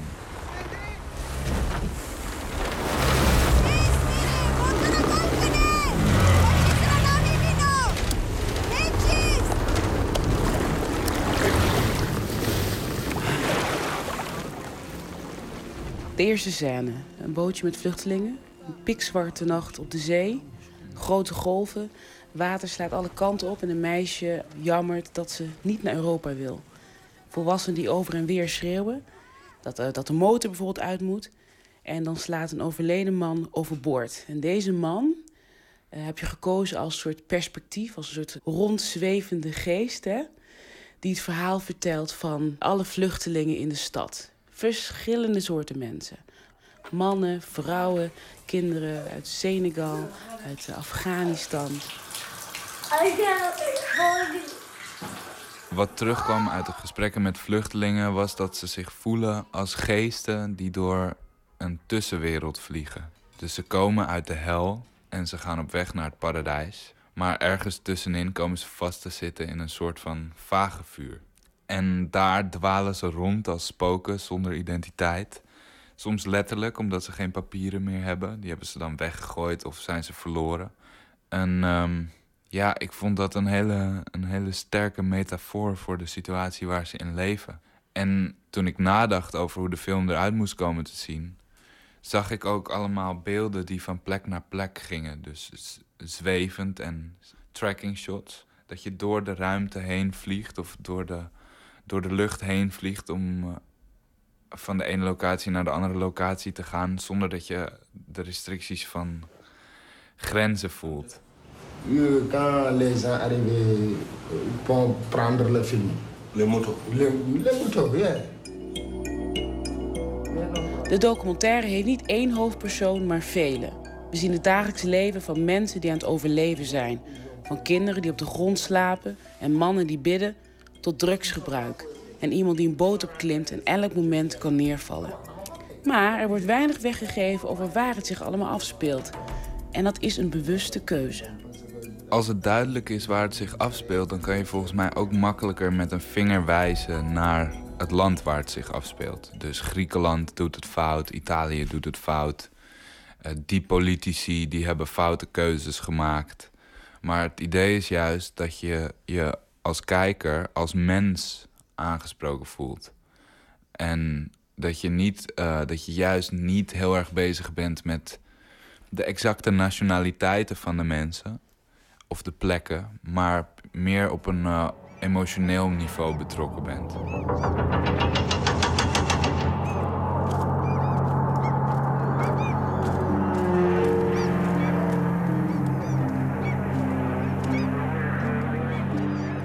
De reden dat ik deze film wilde maken was omdat ik het gevoel heb dat de nieuwsmedia en ook veel documentaires er niet helemaal in slagen om echt het gevoel over te brengen van de situatie waar deze mensen in leven. En meestal blijft het heel erg informatief. Maar ons doel met deze film was om een hele filmische uh, ervaring te creëren. Dus door middel van beeld en geluid een verhaal te vertellen. En dat de informatieve waarde niet voorop staat, maar met name de emotionele waarde. Twee dagen na de ramp brengt de kustwacht ze in Italië aan land. 27 overlevenden die bijna al hun medepassagiers hebben zien verdrinken. Het zijn alleen mannen. Alle vrouwen en kinderen zijn dood. Het schip waarop ze zaten was gebouwd voor maximaal 200 mensen. Altijd als ik dat soort dingen hoor, dan denk ik aan de mensen die ik heb leren kennen. En dan vind ik het verschrikkelijk dat, dat het blijft gebeuren. Maar tegelijkertijd voel ik heel veel onmacht. Want ik weet niet, ik weet niet wat ik moet doen. Daarnaast denk ik ook dat de cijfers die je hoort op een gegeven moment niet echt heel veel ja, indruk meer maken. Ik denk eigenlijk eerlijk gezegd dat best wel veel mensen dat zo voelen eens in zoveel tijd hoor je weer... er zijn zoveel mensen overleden. Er zijn 200 mensen verdronken, 300... en nu dus 700. Maar het, het cijfer doet niet zoveel met me. Ik vind het heel erg dat er zoveel mensen zijn overleden... maar ik begrijp nog steeds niet wat die mensen doorstaan. En er zijn dus ook mensen die dan berichtjes schrijven zoals... Eh, opgeruimd staat netjes. Ik ga het even met je, ماشي مشكل واش تجيبي ليه؟ تراكم دواء نجيب لك الدواء Ik heb veel drugsgebruik gezien en veel mensen die elke dag echt van heel weinig moeten leven. Eigenlijk wat je ook in de film ziet. En uh, dat heeft me doen realiseren dat ik het hier heel goed heb. En dat ik, uh, dat ik moet blij zijn met wat ik heb. Die mensen in een kwetsbare situatie. Hoe ging je daarmee om als filmmaker? Nou, het heeft altijd heel veel tijd gekost om een band op te bouwen. En dat was altijd het concept. Dat we pas echt zouden gaan filmen op het moment dat er wederzijds vertrouwen was. Hoe weet je dat dat moment er is? Nou, op het moment dat zij instemmen met uh, het project. En op het moment dat ik merk dat ze zich gemakkelijk voelen met mijn aanwezigheid. Want heel veel mensen waren eerst heel sceptisch en voorzichtig. Mensen waren bang dat ik misschien racistisch was of fascistisch. Er zijn heel veel fascistische mensen in, in Griekenland. Enorm groeiende, snel groeiende fascistische partij. Uh, er zijn knokploegen bijvoorbeeld van de fascistische partijen. En de Gouden Dageraad, dat is de naam van de grootste fascistische partij in Griekenland uh, werkt samen met de politie. Dus de politie geeft ze ook wapens. En als je bijvoorbeeld een probleem hebt in je wijk in Griekenland... met een vluchteling die, die, in, je, die in je prullenbak aan het graaien is of zo... of iemand die voor je deur aan het slapen is... dan kan je de Golden Dawn bellen... zodat er een knokploegje langskomt om, uh, om mensen in elkaar te slaan. En dat is, of, of om mensen te intimideren. En uh, ja, dat is best wel heftig. Ik zat in een restaurant te eten. Uh, ik, was, ik was echt net een half uur in Lampedusa. En toen zag ik op tv een live uitzending van wat er aan de andere kant van de haven gebeurde.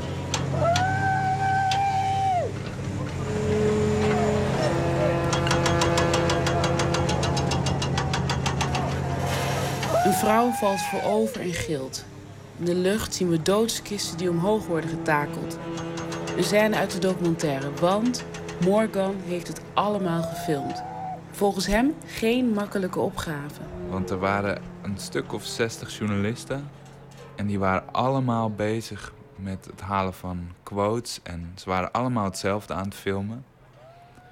Dus op een gegeven moment werd ik ook nogal geconfronteerd met mezelf en mijn eigen rol daar op die plek die mensen, die, die, die vluchtelingen zaten helemaal niet erop te wachten om gefilmd te worden.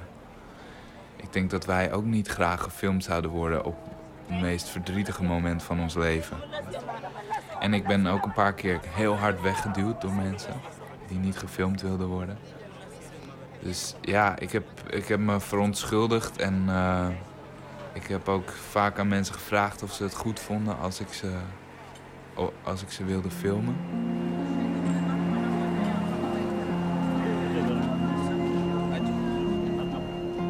Heel veel politici die roepen: dit is de oplossing. En iemand anders die weer een andere oplossing roept. Maar niemand die zegt: ik weet niet wat de oplossing is. En ik denk dat er heel veel mensen zijn, ook politici, die eigenlijk niet weten wat de oplossing is. En dat ze weten dat het iets veel fundament fundamentelers is in, in onze samenleving.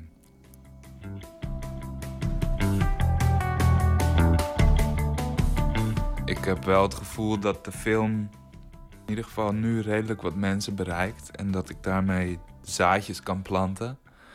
in het hoofd van een aantal mensen om, ja, om toch op een andere manier te kijken naar deze problematiek. Maar alsnog voel ik me machteloos omdat ik die mensen niet kan helpen die ik allemaal heb leren kennen. Volgens mij is het punt dat we ons moeten realiseren dat het mensen zijn, net als wij, en dat we in een wereld leven waar we uiteindelijk samen moeten redden. Those Who Feel the Fire Burning van Morgan Knibbe vanaf overmorgen te zien in de bioscoop. 1954, eh, de film River of No Return met eh, Marilyn Monroe. Vandaar misschien ook dat de Nederlandse vertaling van die film luidde Blond wrakhout. Een uh, mooie, doch iets wat vage film over mannen en vrouwen op een vlotje op een rivier of zoiets. Met een heel mooi titelnummer, gezongen ook door Marilyn Monroe in de film. Hier gaan we luisteren naar een andere versie door Will Oldham en de Engelse zangeres Scout Niblet, River of No Return.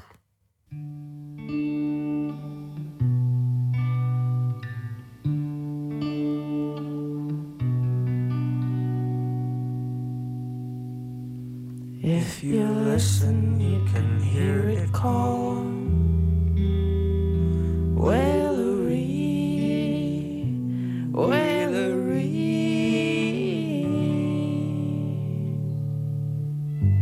There is a river called the River of No Return. Sometimes it's peaceful, and sometimes wild and free. Love is a traveler on the river of no return, swept on forever to be lost in the stormy day.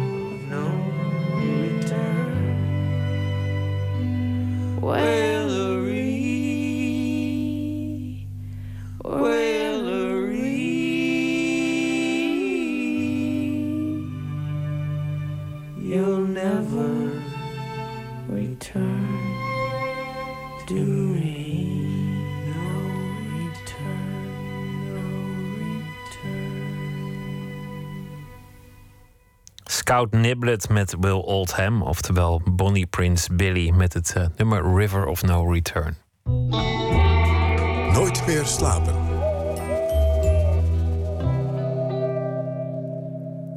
Hedenavond werd uh, de Godwin-lezing uh, gehouden. Een jaarlijkse lezing op bevrijdingsdag. Met uh, lessen uit de Tweede Wereldoorlog. Specifiek voor het wereldwijde web. Botte Jellema is onze nachtcorrespondent. Was erbij aanwezig. De wet van Godwin, Botte. Dat is dat je een discussie altijd kunt beëindigen. door gewoon de nazi's erbij te halen.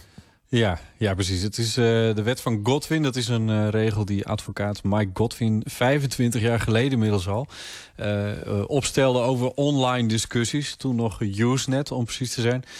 Namelijk dat discussies uiteindelijk altijd eindigen met opmerkingen over de Tweede Wereldoorlog. Nou, Bits of Freedom, dat is de Nederlandse organisatie voor internetvrijheid, die organiseren deze leding.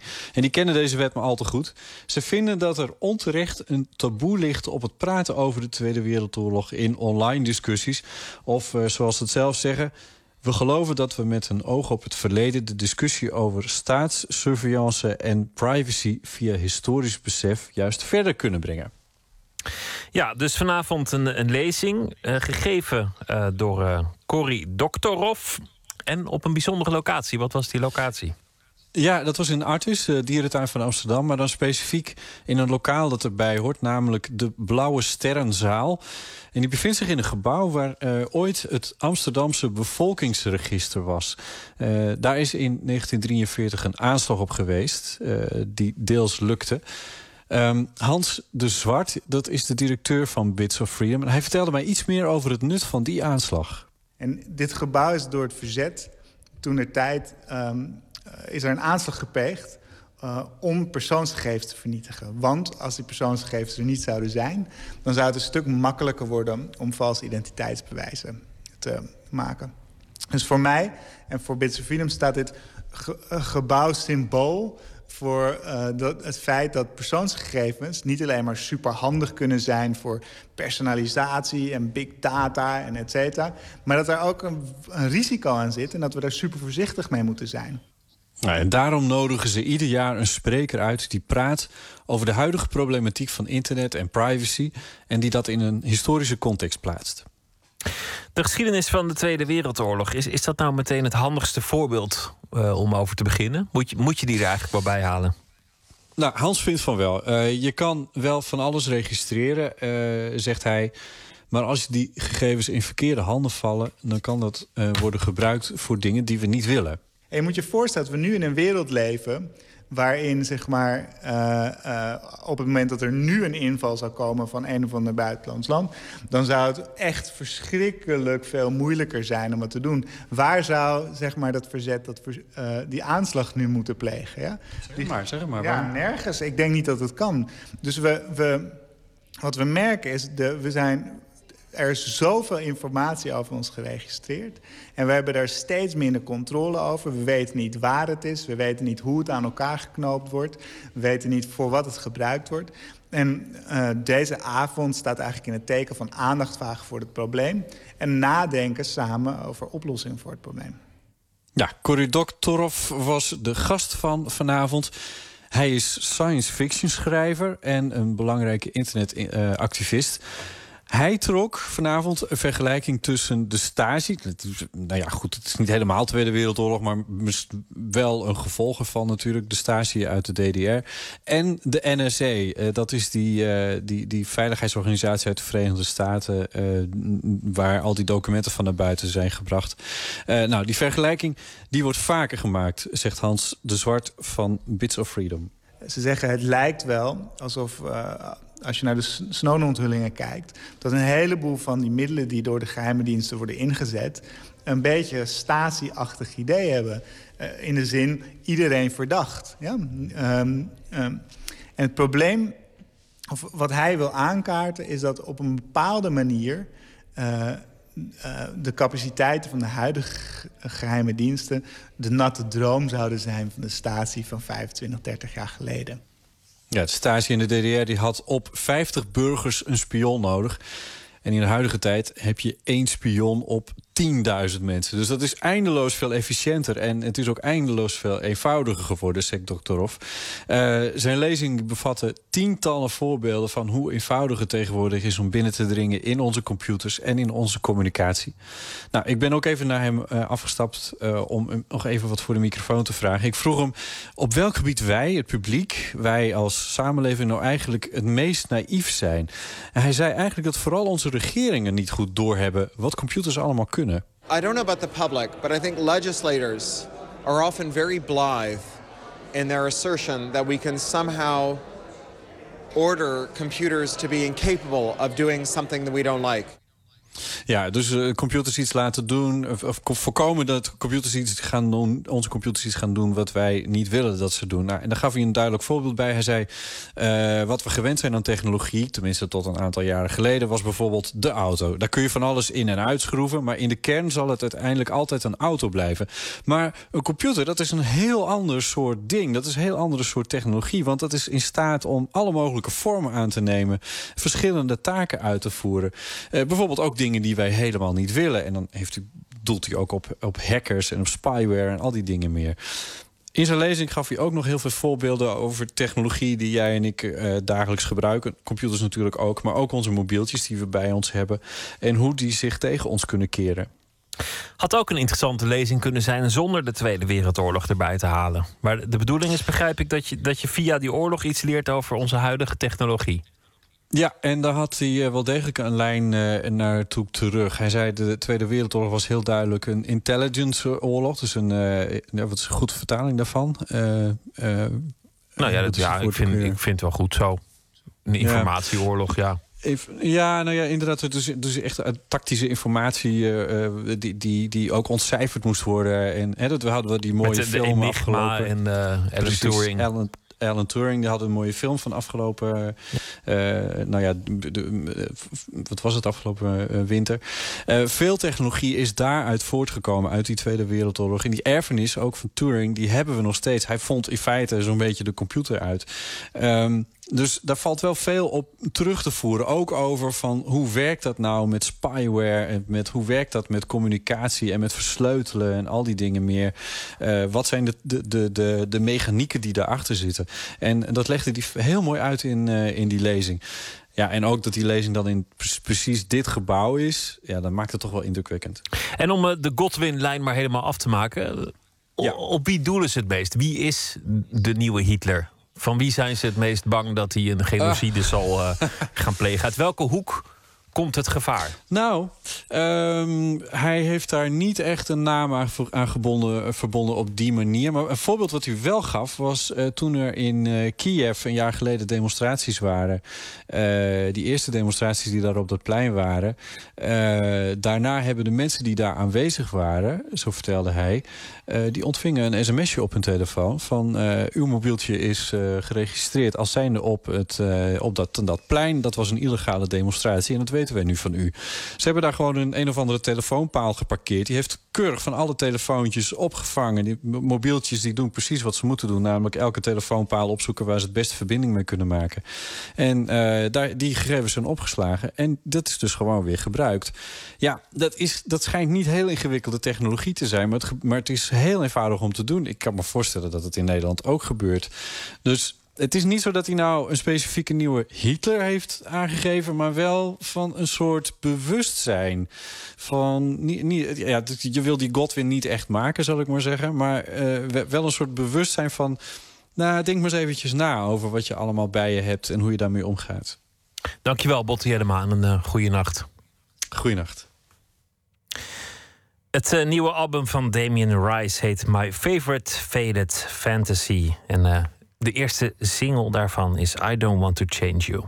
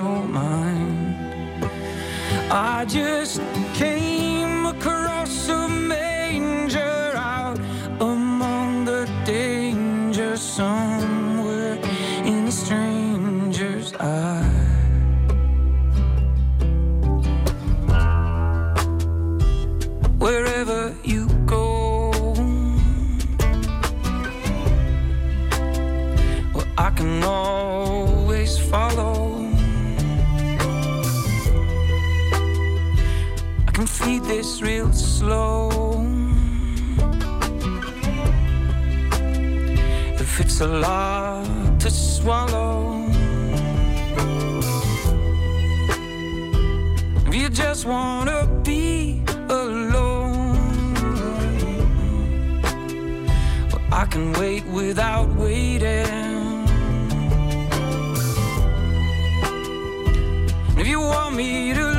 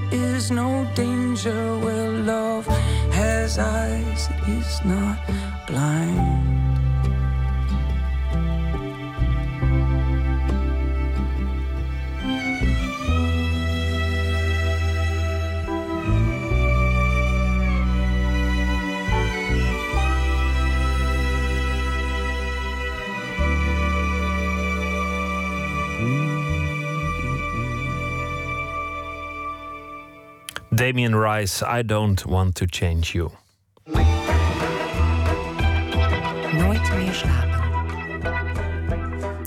Ivo van Dijk is eh, drummer, studeerde ook muziekcompositie met als specialisatie muziek bij videogames. Hij had een wild idee voor zijn afstuderen: een videogame en een rockopera in één. En dan vooral voor eh, de liefhebbers van harde gitaarmuziek. Grote namen uit de metalmuziek en zelfs leden van het Metropoolorkest bleken bereid mee te werken. Drie jaar later is het daar Karma Flow. Jan-Paul de Bond zocht de maker op. Nou, dan spring je hier naar beneden en dan begint de Eerste Wereld.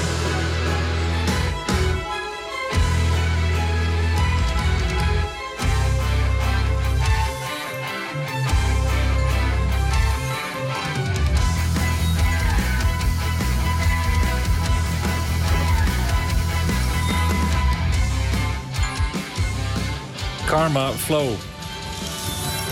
Is het een game? Is het een rockopera? Is het... Het is van mij uit vooral een experiment over hoe je verhalen in een game op een andere manier kan brengen.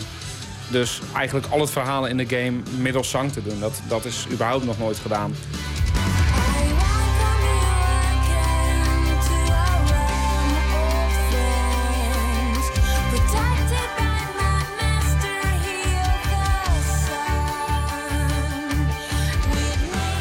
Ik heb eh, in het verleden al eerder een rockopera geschreven. Maar dat was dus gewoon een rockopera van A tot Z. En dit is dus helemaal een vloeibaar geheel. Ik bedoel, eh, de composities moeten door kunnen blijven vloeien... en moeten meegaan met, met de bewegingen van de speler. En ja, dat is heel anders dan dat je iets voor het podium of voor een cd componeert. Liggen die werelden ver uit elkaar? De gamingwereld en, en de metal muziek? Nou ja, ik was in de veronderstelling dat dat wel meeviel. Maar het blijkt toch dat dat wat verder uit elkaar ligt dan ik dacht. Het medium games aan zich, daar wordt wel redelijk veel rock en metal in gebruikt. Achtergrondmuziek en... Maar als je het loshaalt van de game, dan, dan is het toch wel vaak stevige, stevige muziek, zeg maar. En wat daar volgens mij een beetje eh, een soort brugfunctie tussen is... is de fantasywereld waarin de- deze game zich afspeelt. Ja, sowieso de hele symfonische rock metal scene. Als je kijkt naar bijvoorbeeld de oude albumhoesen van eh, een Yes en een Genesis en zo. eh, Hè, dat, dat straalt al fantasy en een beetje surrealisme uit. En dat is ook wel een van de dingen die ik bijvoorbeeld aan onze artists heb gevoed. Van hey, kijk hierna, want dit is wel wat een beetje bij die muziek hoort. Eh, wat toch vaak ridders, draken, hè, grote, grote vertellingen is. Ja, dat, dat is wel iets wat je natuurlijk perfect terug kan laten komen in een game.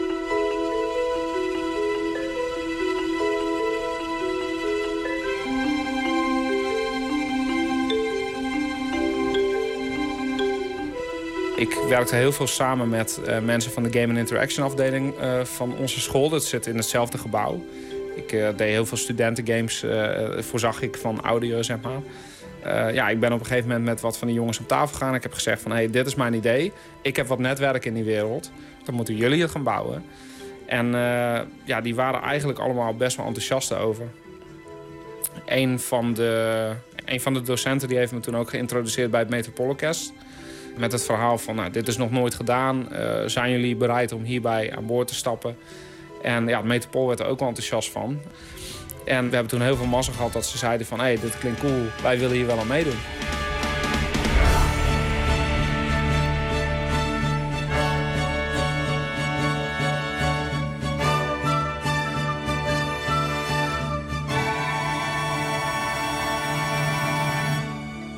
Wat is in de basis het verhaal van dit spel? Het verhaal gaat over ehm, eigenlijk de relativiteit van wat goed en wat slecht is. Je leert bijvoorbeeld in de eerste wereld van het spel... krijg je een klein stukje te horen over de, de muse. Dat is dan een karakter. En gaandeweg leer je haar tegenpool kennen. En ja, op een gegeven moment heb je twee verhalen... die eigenlijk alle twee een kern van iets goeds in zich hebben... en alle twee een kern van iets slechts. En wat dan echt het goede of slecht is... ja, dat moet jij uiteindelijk aan het einde van de wereld beslissen. En dan kies je dus van, nou, ik help die eh, karakter A of ik help karakter B. Het klinkt wel moralistisch. Ja, er zit voor mij altijd wel een fascinatie in dat thema van eh, goed en slecht is relatief. En Zegt dat iets over jou of zegt dat ook iets over de metal scene in zijn geheel? ik, ja, ik, misschien alle twee. Ik denk dat. Ik zie wel dat, dat er heel veel metalbands eh deze thematiek ook een beetje hanteren. En ehm, daar ook mee bezig zijn op de ene of de andere manier. Ik weet niet zo goed waar dat, waar dat hem in zit. Maar eh, het, het zorgt wel voor een bepaalde eh, eensgezindheid over... Oké, dit vinden we in ieder geval allemaal tof, weet je wel. En of jij nou een, eh, eh, een jongen bent uit India die van een islamitische achtergrond is... maakt niet uit. Als jij een Iron Maiden shirtje aan hebt eh, en we staan op hetzelfde festival... dan hoor je erbij. Heb, kun je een fragment uit de game laten zien waarin dat morele aspect eh, Ja, zichtbaar of voelbaar is? Ik kan eh, even een klein stukje laten zien van het einde van, eh, eh, van deze wereld... waar we net ook de openingsmuziek van eh, hebben gehoord. Of die ik in ieder geval aan jou laat horen. Ehm nog even een stukje rondvliegen, want dit is... eh, Welcome, sister. Certainly it seems it's been a while since we found ourselves here. my brother. It seems time has divided us. It is good to feel the Het is een, eh, een broer en een zus. En hun eh, vader was, eh, dat is eh, deze meneer die hier begraven ligt. Maar eh, eh, ja, zij claimt de troon en hij claimt de troon. En eh, ja, dan moet jij gaan beslissen wie gaat helpen.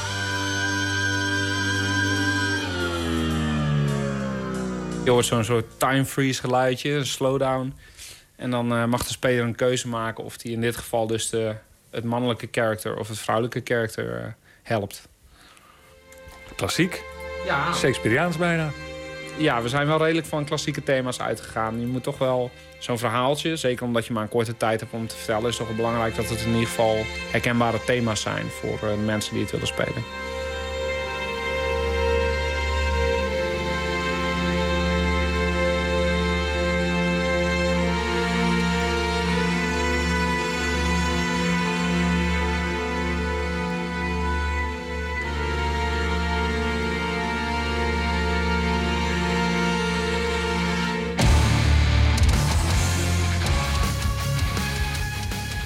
Wou eigenlijk gewoon nog een rockopera schrijven. Ja, maar voor mij uit was ook al een beetje het idee dat games inderdaad een nieuw podium kunnen zijn voor eh, muzikanten, bands, componisten om hun muziek kwijt te kunnen. Waarbij dus ook echt, echt het vertrekpunt de muziek is. Maar dat heeft toch heel veel consequenties voor je compositie in de zin van wat, wat je kwijt wil?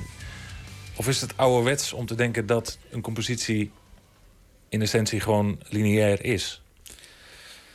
Nou ja, het is niet ouderwets natuurlijk om zo te denken. Want eh, er is niet voor niets dat er al eh, een paar honderd jaar op die manier wordt gecomponeerd. Uh, het is meer dat de technologie het nu toelaat om non-lineair te componeren.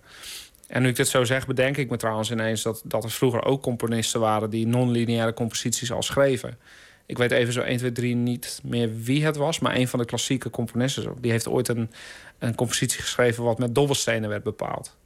Dus dat is eigenlijk ook een vorm van non-lineair uh, componeren. Het is alleen, denk ik, nooit uh, uh, iets heel populairs geworden. Want ja, hoe breng je dat in godsnaam naar het podium? En hoe kan je daar tegelijkertijd... Ik weet niet hoeveel mensen van laten genieten. Maar ik denk dat, dat dan in dat geval games een, een, een topmedium is... om op die manier muziek te kunnen beleven straks. En voor mijn gevoel is zeker de, de, de popmuziek staat een beetje stil op het moment. Er gebeurt zo weinig dat ik denk van ja, te gek. Maar dit zou ook een podium kunnen zijn om gewoon interessante nieuwe dingen in één keer voorbij te horen komen. En dat je misschien vijf keer eenzelfde liedje kan luisteren en dat elke keer anders is. En ik denk ook bijvoorbeeld virtual reality, wat nu, langzaamaan steeds dichterbij begint te komen, dat dat ook een hele grote bijdrage kan leveren aan de manier hoe we muziek consumeren. Ja, je bedoelt dat in, in zo'n afgesloten wereld, wat je nu al een beetje hebt met je game, dat daar je focus op de muziek veel groter is dan wanneer je op straat of in de trein een koptelefoon op hebt. Ja, ja zeker. Ja, je zit dan natuurlijk visueel ook al helemaal opgesloten in die wereld. Ja, en als ze dat dan ook nog auditief versterkt, dan ik denk dat mensen dan ook zich veel meer bewust zijn van de muziek die er zich afspeelt en wat er dan gebeurt. En als ze dan ook voelen van oké, ik, kan die invloed op uitoefenen, dan denk ik dat, dat dat voor een heleboel mensen een hele nieuwe interessante ervaring is. Ivo van Dijk bedacht en schreef Karma Flow, een interactieve rockopera verpakt als videospelletje. Verslaggever Jan-Paul de Bond zocht hem op in zijn werkruimte. 1962. Ze werd ontdekt in een bluesclub in Chicago door niemand minder dan Willie Dixon. Ik heb het over zangeres Coco Taylor, een van de beste blueszangeressen aller tijden. We gaan luisteren naar haar uitvoering van Time Will Tell. Cigarette ashes. And that old empty glass they seem to remind me that it's over at last. His kisses brought tears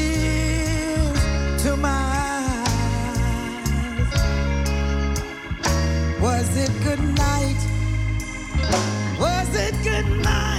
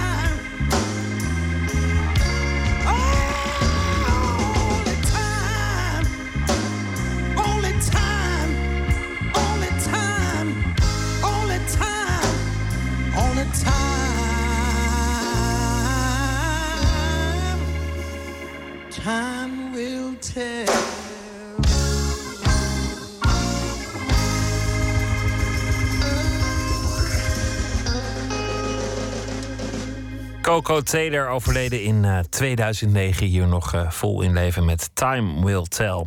Josse Kok is eh, dichter. En hij eh, debuteerde in 2013 met een bundel Ik heb geslacht. Deze week zal hij elke nacht een gedicht, eh, gedicht voordragen uit zijn eigen favorieten. Ingmar Heitse is eh, vannacht eh, de dichter die hij heeft uitgekozen met het gedicht Je had een potlood in je haar.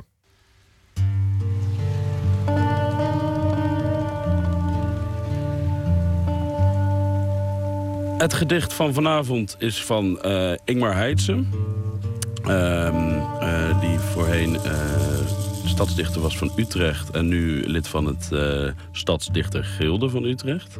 Dus eigenlijk is er niet zoveel veranderd. Zijn kracht is dat het niet, zo, niet zo onbegrijpelijk is... als het merendeel van de poëzie, voor de leek dan uiteraard. Hij weet het altijd heel mooi en treffend neer te zetten... en dat je ook nog... dat je bijna vergeet dat het poëzie is wat je aan het lezen bent. En dit gedicht heb ik gekozen omdat hij, eh, omdat hij hierin ja, echt eh, twaalf eh, regels een hele film neerzet eigenlijk. Een, een film die achterstevoren wordt afgespeeld. Waardoor je, waardoor je in het verhaal compleet meegezogen wordt. Vind ik heel knap. Waardoor je dan twijfelregels voor elkaar krijgt. En dat gedicht heet Je had een potlood in je haar. De kop was eraf. Ik liep terug naar de deur, die ik met een doffe klap weer opendeed. En hield je, tranen, tranen, vast. We schreeuwden van jij ook altijd en ja, maar jij. Je duwde een brief onder mijn neus en ik fietste achteruit naar het café dat net weer open ging. Daarna begon het grote geluk, hoewel steeds meer lieve kleine dingen van ons samen in het niets verdwenen. Tot die avond in de galerie. Ik kreeg je nummer en we praten en we praten. En ik sprak je aan, je draaide je van mij vandaan. Ik zag je staan in silhouet en was verliefd en wist niet hoe je heette. Josse Kok las een gedicht van Ingmar Heitse. Je had een potlood in je haar. Little is een Amerikaanse soulzanger. Werkte ooit samen met The Roots. Heeft ook zijn eigen carrière. Your love will blow me away. When my heart aches, I'm drowning pain won't go away. And in my cups, brown fills my brain won't go away. These five yellow girls out on parade asphyxiate. Still stuck in a cage trying to ply my trade won't go away. And I'm afraid your love will blow me away. Am I dumb? Or cause I numb the pain? Am I just another runaway? Yeah. When shadows creep across my floor, won't go away. You've had enough, but still one more won't go